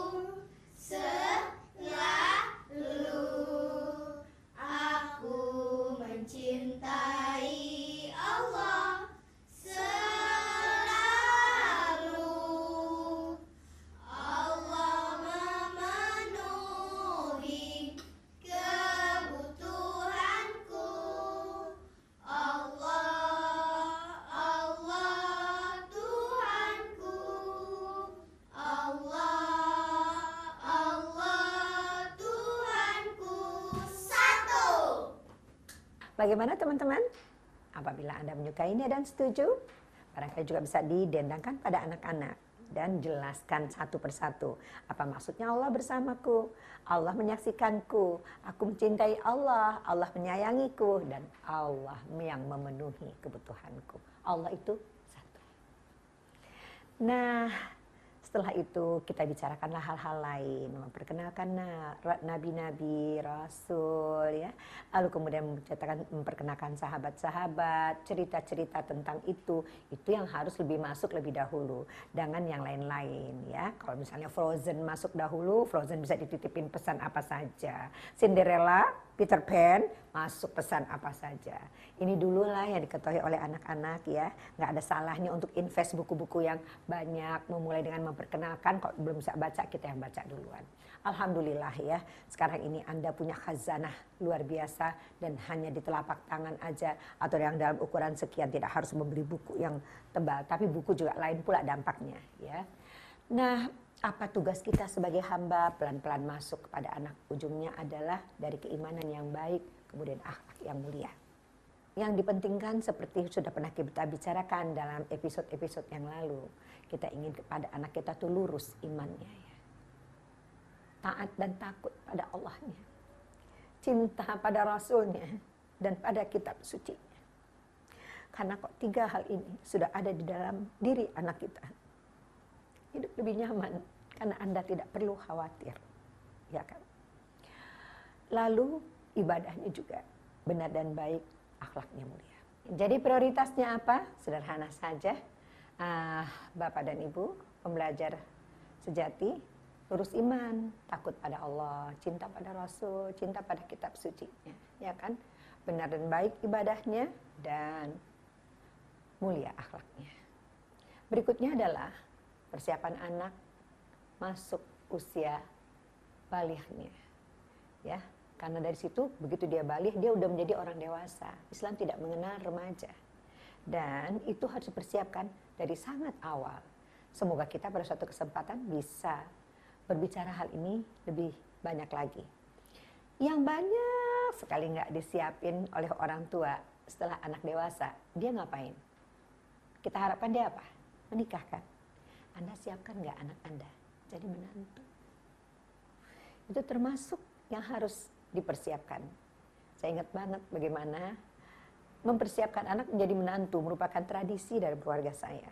Dari saya remaja, ibu saya sudah mengatakan, kalau kau menikah, kau perlukan dulu ya mengurus mertuamu, baru mama. Ya nak, merasa merasa dan perlakukan orang tuamu itu orang tuamu karena engkau menikah dengan anaknya. Dan banyak lagi. Nah, itu jadi tradisi sampai anak saya menikah, dia harus tetap punya seminggu sampai dua pekan sama neneknya untuk mendapat fatwa mempersiapkan wejangan nasihat sambil bercanda bagaimana menjadi menantu. Lalu siap menjadi ibu dan ayah. Jadi banyak sekali hal-hal yang harus kita bangun pada anak kita sesuai dengan agama bagaimana dia menjadi ibu dan ayah. Dan yang terakhir adalah kewajiban kita untuk mempersiapkan anak-anak kita untuk menjadi ibu dan ayah yang benar, baik, dan menyenangkan. Jadi teman-teman, paket panjang kan ya, besar ya. Kalau kita urut dari depan, bayangkan seolah-olah kayaknya nggak ada waktu untuk yang lain. Ya, kalau ini satu atau dua saja luput, bagaimana membuat anak kita tangguh hidup di era digital? Saya tahu ini banyak, saya tahu itu panjang, dan saya tahu itu agak rumit. Tapi jalani saja, ya sedapatnya. Lalu kita berdoa kepada Allah agar kita, anak kita, selamanya mendapat petunjuk, agar Allah memenuhi janjinya kalau kita mengasuh anak kita baik-baik. Insya Allah kita anak kita dan cucu kita bertemu di surganya Allah. Assalamualaikum warahmatullahi wabarakatuh.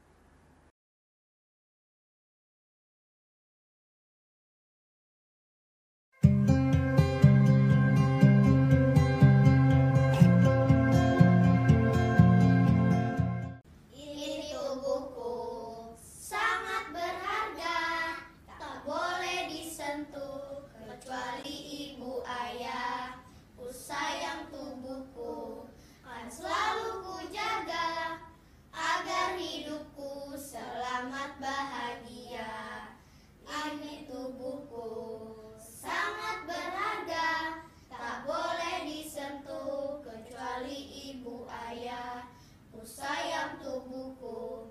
Kan selalu ku jaga Agar hidupku selamat bahagia. Agar hidupku selamat bahagia. Assalamualaikum warahmatullahi wabarakatuh. Bapak Ibu yang saya cintai, kita sampai kepada topik keenam yang sangat penting sekarang ini dan sering sekali terabaikan dalam pengasuhan anak-anak kita di era digital. Pilar keenam dari mengasuh anak tangguh di era digital adalah persiapan balik. Persiapan pubertas. Saya ingin memulainya dengan berbagi informasi dengan Bapak dan Ibu hasil daripada pekerjaan anak-anak saya selama 14 tahun di divisi anak dan remaja Yayasan Kita dan Buah Hati. Ini adalah penelitian terhadap 2064 anak kelas 456 Jakarta Bogor, Depok, Tangerang, Bekasi. Ketika ditanyakan kepada mereka, apakah orang tuanya telah mempersiapkan mereka untuk menjadi remaja, kita menggunakan istilah yang uh, biasa mereka gunakan, 52% dari mereka mengatakan belum. Maaf, 59%. Lalu ketika ditanya hal yang lain berikutnya, apakah mereka siap untuk menjadi remaja? Anak-anak itu juga mengatakan mereka belum siap. Walaupun kita tidak probe lebih lanjut kesiapan itu seperti apa. Nah, Bapak Ibu, ternyata juga orang tua belum membahas tentang pubertas, anak merasa tidak siap. Kenyataannya 20% dari anak kelas 4, 5, 6 telah balik. Ada yang di kelas 4, ada yang di kelas 5, ada yang di kelas 6, dan anak perempuan ada yang di kelas 3. Apa saja yang Anda persiapkan ketika kami menghadapi anak-anak yang persiapan balik belum dikerjain oleh orang tuanya, gadget udah di tangan. Apa yang terjadi? Anak berselancar di dunia maya, tiada bertepi dia melihat segala macam. Kami menangani dia karena adiksi M. Dia nggak tahu apa-apa. Padahal dia udah adiksi masturbasi. Jadi untuk itu Bapak Ibu sekalian dalam waktu yang amat sangat ringkas ini, saya langsung saja untuk mengajak Anda menyelami apa bedanya antara seks dan seksualitas. Seks adalah alat kelamin dan hubungan di antara keduanya. Tapi seksualitas adalah bagaimana seseorang berpikir, sebagaimana seorang merasa, bagaimana seseorang menampilkan dirinya, bagaimana seorang mengekspresikan perasaannya dan pikirannya, bereaksi terhadap itu apa tindakan orang lain segalanya. Semua perlakuan itu menentukan bagaimana seksualitas anak kita. Biar gampangnya, ini seksualitasnya Lirisman pakaiannya, cara bicaranya, cara dia mengekspresikan emosi, cara dia berespons terhadap orang lain. Bapak Ibu bayangkan kalau saya sasahan tinggi, pakai anting gede, bibirnya kayak uh, semerah tutup toples, terus kemudian saya nyamperin bapak-bapak bilang, kabar pak, udah lama nggak ketemu, beda nggak sama yang ini? Ya itu seksualitas, jelas ya. Nah sekarang siapa Bapak Ibu penanggung jawab pendidikan seksualitas? Kita orang tua, kan kita yang diamanahkan, kan kita yang babysitternya Allah. Jadi orang tua adalah pendidik pertama dan utama seksualitas anaknya dengan dua hal. Konsekuen dan respect. Artinya gitu. Bapak Ibu, nggak mungkinlah kita melakukan semua-muanya sendiri, ya kan? Janganlah Bapak bertanya atau kalau misalnya anaknya bagus, Bapak yang muncul kasih pegang hadiah. Kalau yang salah tulang, ha tuh anakmu nggak gitu lagi kan Pak ya? Itu kuno ya kan? Sekarang ini kita harus mengasuh bersama konsekuen mana bagian Bapak mana bagian kami misalnya. Kalau buat mimpi basah Bapak lah Pak ya kan? Karena ibu-ibu kan nggak pernah mimpi basah. Jadi landasannya Pak haruslah agama. Itu dulu Bu. Ya pelakunya orang tua landasannya agama. Yang ditargetkan adalah seksualitas anak kita sehat. Nggak terkena penyakit apa pun ya. Benar ya sesuai dengan apa yang ditentukan oleh Allah lurus. Artinya bayi perempuan jadi gadis. Terus nih ya jadi wanita. Bayi laki-laki ya jadi bujang jadi pria dewasa. Lurus. Growing straight. Jangan ke sana jangan ke sini ya walaupun kampanye ataupun uh, percontohan iklan dan sebagainya di sekitar kita luar biasa. Untuk itu Bapak Ibu, ya konsekuen tadi itu dibagi ke dalam tiga hal. Kedua orang tua harus punya tiga C. Apa? Keprihatinan, concern, komitmen, kesepakatan memang harus komit melakukannya, tapi Bapak Ibu begitu mulai tidak bisa mundur. Anda harus terus ber, berketerusan berkelanjutan ya. Continuity. 3C concern commitment and continuity. Untuk itu apa yang harus anda siapkan? Diri tenaga waktu ilmu biaya semuanya. Kita dulu. Di mana bagian-bagian yang kurang baru kita minta tolong orang lain ya. Atau institusi lembaga lain jadi untuk itu Bapak Ibu, banyak sekali kasus-kasus yang kami hadapi ya. Juga pertanyaan pada saat siaran radio, televisi, ya maupun seminar dan pelatihan-pelatihan kami, orang selalu bertanya bagaimana sih Bu mulanya ngomongnya? Apanya? Kan nggak enak bu ngomong begitu. Ya Allah kan saru gitu loh. Kan jadi kita ngomongin yang tabu-tabu. Nah kalau ingin menjadi pendidik seksualitas anak sendiri putuskan dengan masa lalu ya. Putuskan tabu putuskan saru putuskan nggak tega. Ayatnya aja jelas-jelas kok ajarkan katakan kepada mukmin untuk menahan pandangannya menjaga kemaluannya dan banyak ayat-ayat lain tentang penjagaan kemaluan. Bagaimana kita nggak ngomong perintah Allahnya plak-plak ya kenapa kita juga nggak plak-plak ya tentunya dilihat ya pada tiga hal. Satu usia anak berapa? Dua tingkat kecerdasannya. Tiga kehidupan emosinya oleh sebab itulah Bapak Ibu, kita harus menjadi accessible parents. Orang tua yang siap untuk ditanya. Karenanya kita harus meningkatkan terus satu pengetahuan, dua keterampilan kita dalam segala bidang. Nah, mulai dari mana? Duduk dulu Ibu, ya Bu. Bapak duduk dulu ya Pak. Buat list sekarang kalau menghadapi anak Anda balik, apa aja ya yang ternyata dari pembicaraan kita sebelum-sebelumnya yang Bapak Ibu perlu siapkan di mana bolongnya, di mana kurangnya harus ditutupi. Sudah? Bapak bikin, Ibu bikin. Jadi bagaimana mempersiapkannya? Gampang ya. Ambil selembar kertas, Ibu bikin sendiri, Bu.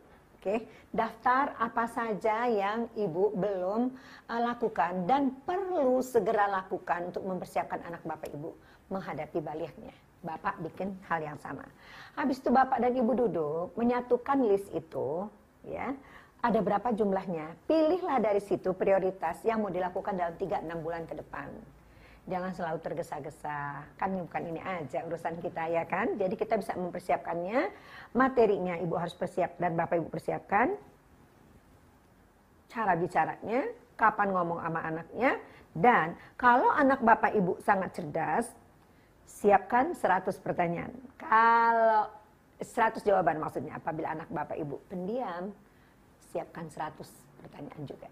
Jadi sama-sama Semuanya harus sesuaikan dengan usia, tingkat kecerdasan, ya, dan tipe kepribadian, tertutup apa terbuka. Baik. Sekarang kita masuklah ke usia 0 sampai 5 tahun dulu, ya. Oh, bukannya dipersiapkan Bapak Ibu selalu bilang begini kan? Loh, kok dari kecil sih, Bu? Ya Allah, Bu, emangnya sekarang ya? Anaknya udah kecanduan. Dia bilang emang sekarang ya mempersiapkan anaknya balik. Gimana sih, Bu? Saya kirain nanti. Nantinya kapan, Bu? Kapan Pak? Dari umur 0 sampai 5. Itu dulu ya. Di usia ini karena kita bicara seksualitas, kita bukan bicara seks. Jadi kita harus memberikan anak kita pemahaman tentang dirinya. Kamu nak sangat berharga buat ayah sama mama ya. Dari ujung rambut ke ujung kaki sayang kau adalah anugerah. Engkau adalah titipan Allah sama mama ya. Ayah sama mama harus menjagamu dengan sebaik-baiknya ya tidak boleh ada yang menyentuhmu seenaknya oke okay? kecuali ayah mama kakek nenek mbak dakem sama dokter bapak ibu ini kan kata Eli Risman bapak ibu tentukan sendiri ya. Siapa yang boleh menyentuh anak bapak ibu? Masalahnya sekarang. Innalillahi wa inna ilaihi rajiun ya. Incest di 25 provinsi. Ya, orang-orang yang mengalami kerusakan otak bertabur tidak tampak pada mata, tidak terdengar oleh telinga, nggak bisa anda ukur dengan hati. Tapi marilah kita lanjutkan ya. Jadi pada saat 0 sampai 5 itu ya, dia harus merasa berharga, dia hamba Allah, dia ciptaan Allah yang paling mulia. Ya, jangan lihat kekurangannya, lihat positifnya geser. Apalagi tadi hamilnya nggak suka, terus anaknya lahir kenyataannya berbeda dengan harapannya, forget it, oke?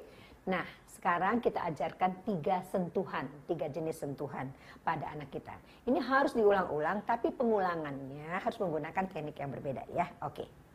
Nah, ada tiga jenis sentuhan ya sayang, ya. Sentuhan baik. Apa nak? Pinter. Sentuhan baik adalah yang menyentuh tubuhmu dari bahu ke atas. Mana tangannya? Ya, coba sayang praktekin. Ibu sekarang praktekin dulu sama saya. Bahu ke atas. Terus dari lutut ke bawah. Masih oke, ya. Nah, yang kedua adalah sentuhan yang membingungkan, yaitu apabila orang menyentuhmu, mana tangannya sayang? Iya, dari bawah bahu ke atas tangannya begini, ya ke atas lutut. Iya, sentuhan yang ketiga sentuhan buruk, nggak boleh sama sekali. Silang tangannya, iya dari sini ke sini, putar ke belakang, tangannya begini. Sampai situ jelas? Iya, ya. Jadi kamu harus lihat kalau orang datang sama kamu, tanya nama, mau lihat dulu, ya. Siapa? Kenapa mau tahu nama saya? Coba nak. Nah, ini yang paling penting Bapak Ibu. Kalau mengajarkan anak dalam hal ini harus pakai praktek. Role play, ya. Lihat nih orang, sebab anak kita itu sebetulnya sangat bening. Ya, Allah ciptakan begitu sangat bening. Jadi perasaan misalnya gini, ibu nggak suka mamanya.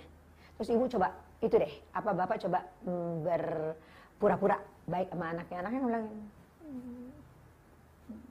gitu kan? Ya anak tuh bisa merasa kita tuh jujur apa nggak jujur. Dia sangat peka. Oleh sebab itu itu yang ditumbuhkan untuk dia bisa melakukan penilaian terhadap orang lain. Lalu anak kita harus diajarkan harus berani dan diajarkan mengatakan eh jangan pegang-pegang jangan sentuh-sentuh tubuhku. Ya. Tapi jangan sampai dia mesti dipraktekin. Jangan sampai dia bilang begini nih hmm, jangan pegang-pegang. Nah, itu nggak bisa jadi orang itu nggak merasa yakin bahwa anak ini sebetulnya punya harga dan konsep diri dan merasa dirinya berharga dan bersungguh-sungguh, ya. Dan di usia ini juga anak dari kecil lah diajarkan rasa malu. Karena kita memperkenalkan alat vitalnya sebagai kemaluan. Jadi malu. Kalau terbuka malu, kalau kelihatan malu, kalau keluar dari kamar mandi tidak lengkap pakaiannya, malu. Kalau berganti baju di depan saudaranya dari kecil, abang keluar dulu bang, adik mau ganti baju. Abang keluar dulu bang, adik mau menyusui. Ya. Oleh sebab itu, ya, toladan ibu dan bapak lebih daripada berjuta kata-kata. Anak Anda dua setengah tahun, anda kalau mau ganti baju keluar dari kamar mandi bilang, siapa di luar? Keluar dulu, ayo, ayah mau keluar dari kamar mandi atau mama mau keluar dari kamar mandi, mama tidak berpakaian dengan sempurna. Keluar dulu nak, mama mau ganti baju. Keluar nak, nenek mau ganti baju. Ya, karena dua setengah tahun otak anak udah bersambungan satu triliun. Oke, tiga empat tahun Anda harus pisahkan tempat tidur. Jangan karena sayang kangen enak bersama-sama. Kelas 6 masih tidur bareng Ya gimana bermesraan ibu bapaknya? Ya kan? Attachmentnya bagaimana orang ada anaknya? Iya sih kalau begitu keluar kamar tapi nggak bener lah. Ya, kalau kepergok anak tidur sama-sama tidur terus dia dengar bunyi bau dan sebagainya dia buka dia kaget setengah mati ya dan terus dia begini kenapa karena dia udah bisa berpura-pura jadi usia 5-7 tahun ajarkan anak membedakan orang di sekelilingnya. Ini otak anak berkembang udah lebih jauh ya. Uh, sudah lebih banyak maksud saya koneksitas antara sinaps-sinaps di otaknya, maka anak udah bisa diajarkan membedakan mana yang kenalan, mana yang teman, sahabat, kerabat, dan muhrim, mahram buat yang muslim. Ini apa konsekuensinya? Ya informasi apa yang boleh diberikan, bagian tubuh mana yang bisa disentuh dan sebagainya. Ini harus jelaskan beda bedanya antara ini dan jelaskan baik-baik ya, yang kakek, yang paman, yang sepupu. Jadi pada usia 7 tahun sampai 8 tahun anak benar-benar harus sudah terlatih menutup auratnya. Kalau bisa sudah hampir sempurna. Kenapa? Pembiasaan. Sebab sebentar lagi mereka balik, balik berarti mukallaf, mukallaf berarti berlaku hukum terhadap mereka. Kalau tidak diasuh dari 0 sampai 5, bagaimana ketika otak mulai bersambungan sempurna, pusat-pusat di otak bersambungan sempurna, testosteron bergerak 20 kali lebih cepat daripada biasa, ya. Maafkan saya, testis dan indung telur mulai aktif, ya, memproduksi sperma dan sel telur. Oleh sebab itu, ajarkan anak untuk menahan pandangannya dan menjaga kemaluannya. Jangan handphone duluan di tangan rumah wifi TV berbayar. Pandangan anak belum kita ajarkan itu kenapa anak kita gampang sekali mengalami kerusakan otak. Pada fungsi mulianya karena nggak ada persiapan sama sekali. Ya, pada kesempatan lain kita akan bicarakan ini lebih detail. Jadi di usia 9 tahun itu sudah 10% anak perempuan sekarang balik lebih cepat karena dua hal makanan bagus rangsangan quote and quote juga bagus. Kita abai kita pingsan. Begitu anak kita balik kita astagfirullahaladzim kok cepet banget sini duduk? Mama bilang begini ya ada dan hati-hati ya kamu ya bisa hamil. Anaknya ketakutan setengah mati. Ya karena nggak ada persiapan kaget reaksinya jadi seperti itu jadi harusnya apa? Dari 8 ke 9 tahun mau tidak mau Bapak dan Ibu yang saya cintai, anak kita sudah mesti harus kita jelaskan apa itu balik. Apa itu puber? Apa maksudnya mukallaf itu? Bahwa hukum itu berlaku bagi dia bahwa sekarang semua tanggung jawabnya dia walaupun ada tanggung jawab kita sebagai orang tua bahwa niat dan perbuatannya Allah tahu dan uraian lainnya terlalu panjang untuk kita bahas sekarang ini. Jadi setelah itulah maka pada usia anak 8 tahun menjelang 9 saya ingat benar apa yang dilakukan oleh ibu saya dan yang saya lakukan sama anak saya seperti yang sudah saya bahas lebih dahulu. Dia mengatakan sekarang kamu sudah mulai besar, pahanya besar, kulitnya mulai licin. Sebutkan ciri-ciri seks sekunder ya. Kamu bilang kemarin kesenggol di pintu sama kakak payudaramu sakit. Kalau anak laki-laki berubah suaranya. Jadi sekarang ayah sama mama pikir kita harus ketemu seminggu sekali. Banyak sekali yang ayah sama mama mau bahas dengan kamu nak. Menghantarkan kamu menjadi mukmin ya yang sejati. Tanggung jawab ayah dan mama. Oke kamu maunya hari apa nak? Bu, Pak, jangan kesel, jangan marah, jangan merasa capek karena anak ngerubah harinya setiap bulan. Dari Kamis malam jadi Jumat Jumat malam, Sabtu pagi, Sabtu sore, Minggu pagi, Minggu sore balik lagi, Jumat malam, nggak apa-apa. Tapi pada saat Anda berjanji itu 30 menit no handphone. Oke, okay? taruh dalam kotak kunci. Dan Anda harus menyiapkan materinya apa apa yang diajarkan tanggung jawab pribadi. Ya. Hukum-hukum yang berlaku bagi seorang mukmin dan mukminat, ya. Terus kemudian kesehatan fisik dan kesehatan jiwa. Orang kalau sakit aja kurang gizi, kurus, batuk, pilek, bawa ke rumah sakit. Sakit jiwa, bawa ke mana?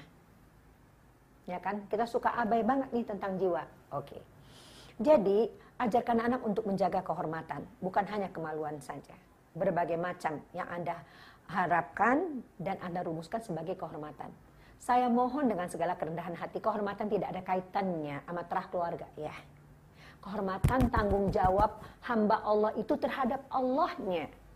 Jangan jadi jadi kelompok yang jayus, yang bangga atau senang apabila anak atau anggota keluarganya berbuat maksiat. Mengiyakan pacaran, nganter ke tempat shisha, nganter ke kafe, gitu kan. Apa sih bu, pak, gitu loh kelihatannya nggak punya prinsip banget gitu dalam mengasuh anak.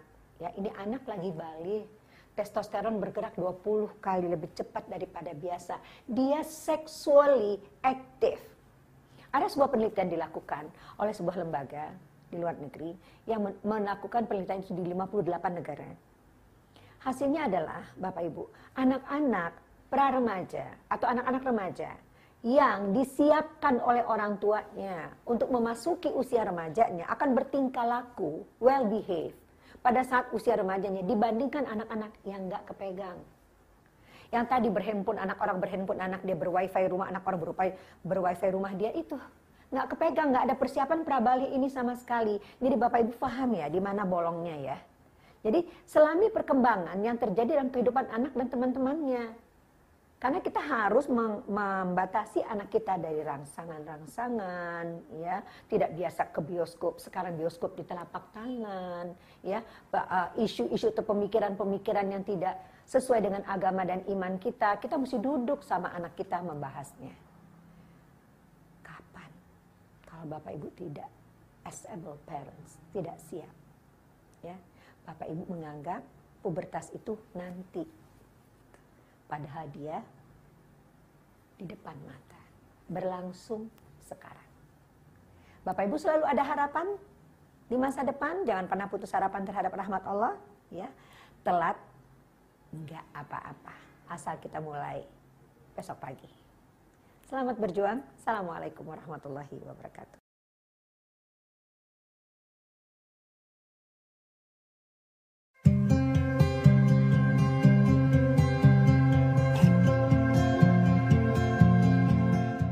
Bapak Ibu yang saya muliakan, Assalamualaikum warahmatullahi wabarakatuh. Akhirnya sampailah kita pada pilar terakhir dari bagaimana mengasuh anak tangguh di era digital, yaitu bijaklah berteknologi.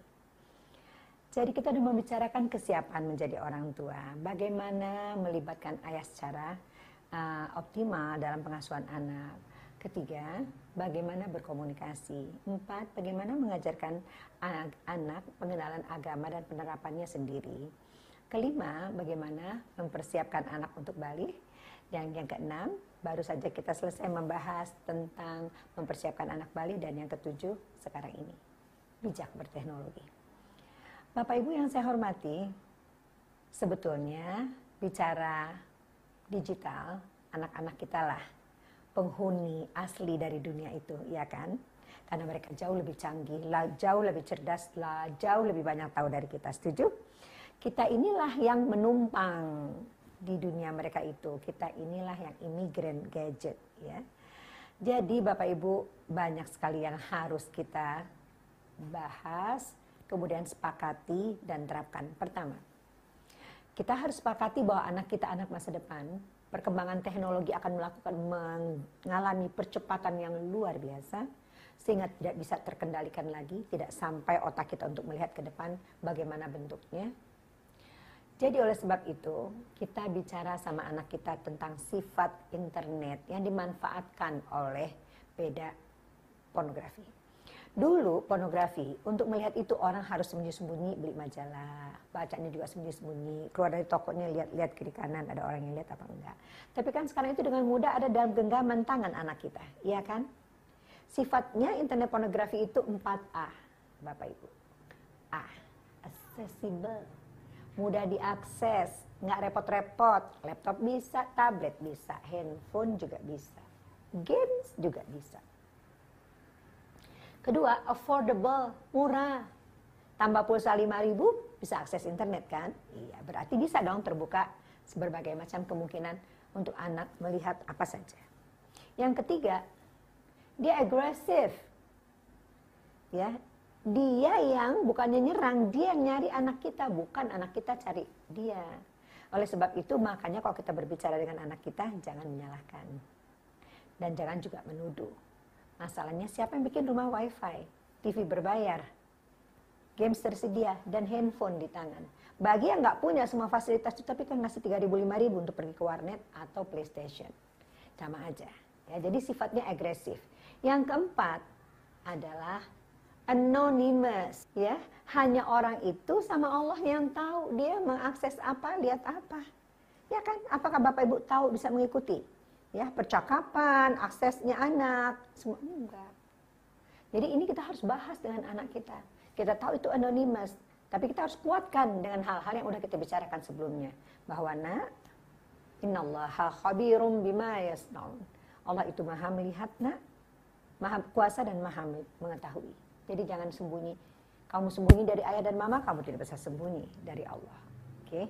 Nah, jadi apa sih bagaimana bahaya pornografi tersebut? Saya akan memberikan contoh berikut ini pada Anda dengan cara yang sangat mudah. Saya ambillah sebuah gelas diisi air bening. Ini perumpamaan yang hasil riset dari teman saya Joanne Hamilton yang baru berpulang Desember yang lalu. Jadi Eli, dia bilang, inilah keadaan anak kita yang dianugerahkan Allah kepada kita. Bening, bening. Ya, walaupun tidak setara dengan bulan. Lalu, ini pornografi. Dalam bentuk apa saja yang dilihat oleh anak kita. Masukkan ini satu tetes saja. Apa kabar? Berubah tidak teman-teman? Satu tetes saja. Apa sih satu tetes ini? Joanne bilang yang satu tetes ini adalah sekedar iklan pakaian dalam. Bayangkan yang dilihat anak dari gadgetnya. Lebih dari itu kan? Nah, inilah yang mempengaruhi otak anak kita. Ujungnya kita bahas pada kesempatan lain, tapi satu pesan saja, dia merusak bagian fungsi mulia otak yang membedakan kita dengan binatang. Kalau kita melihat orang sekarang bertingkah laku seperti binatang, jangan-jangan dia telah tercemar otaknya dengan pornografi. Nggak tahu dari usia berapa dan tidak tahu separah apa kerusakannya. Oleh karena itulah teman-teman, untuk bijak berteknologi, ya, ada beberapa hal yang perlu kita perhatikan. Jadi untuk anak kita bijak berteknologi, Bapak Ibu harus merumuskan terlebih dahulu. Satu, kenapa sih anak harus pegang gadget? Kedua, pada usia berapa? Kalaupun dari kecil Anda ingin perkenalkan, jangan karena-karena sepupunya punya. Dan kalau Anda perkenalkan, Anda harus tahu ujungnya anak ini akan kecanduan. Jadi misalnya, kalau diperkenalkan pada usia kecil, karena dia misalnya pengen lihat uh, hiburan ataupun hal-hal yang ingin Anda perkenalkan, maka tiga tahun, tiga menit paling lama, empat tahun, empat menit paling lama. Dan itu harus Anda dampingi dan tidak bisa di tangannya sendiri. Anda nggak bisa mengatakan, ini anak saya pulang dari Amerika nih korban Silicon Valley. Ya nggak bisa begitu. Ya, kalau anak 4 tahun udah tidak bisa Anda kendalikan, apa kabar kok dia 10? Ya, jadi Anda harus punya reason why.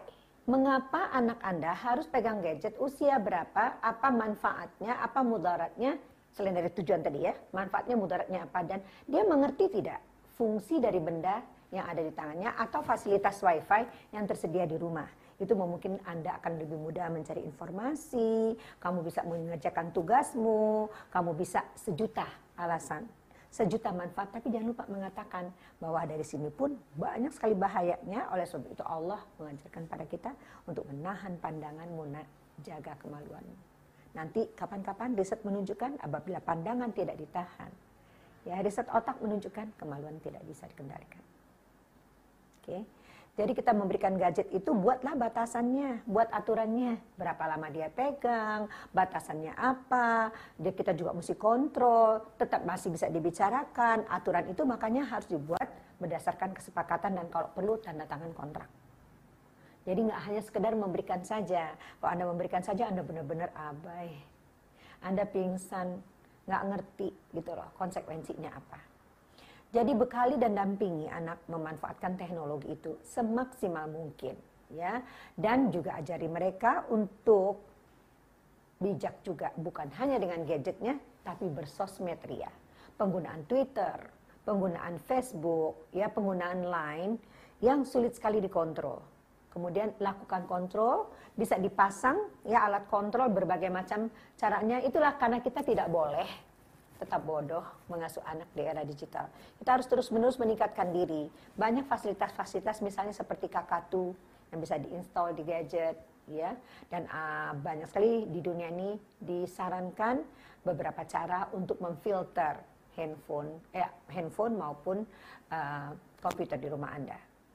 Ajak anak untuk mencari hal-hal yang positif. Ya, Menkominfo dengan berbagai programnya juga Telkomsel itu telah menyediakan white list. Jadi hanya bergerak di white list Ya, dunia juga mempunyai white list. Jadi list-list yang program-program ataupun web ataupun apa yang positif yang bisa diakses oleh anak dan jelaskan bahwa melihat itu menambah pengetahuan, meninggikan derajat orang berilmu lebih baik daripada yang tidak berilmu, bisa mencipta, berkreasi, ya dan belajar banyak hal. Nggak bisa main gitar bisa main gitar ya. Nggak bisa potong rambut bisa potong rambut. Semuanya hal-hal yang positif. Buka seluruhnya kemampuan anak anda yang positif seperti anda membuka kipas. Ya kan kipas ada tiang-tiangnya. Semua potensi itu sekarang bisa dikembangkan lewat internet. Ya kan? Bagaimana teknologi itu membantu mengembangkan kemanusiaan bukan menghancurkannya. Selamat berjuang. Saya tahu ini tidak mudah tapi yakin harus bisa. Bayangkan di sini bahwa anak kita adalah anak yang sukses, sehat, juga otaknya, dan adalah anak yang menyejukkan mata dan menyejukkan hati, permata hati kita, teman kita bersama-sama di surganya. Selamat berjuang. Assalamualaikum warahmatullahi wabarakatuh.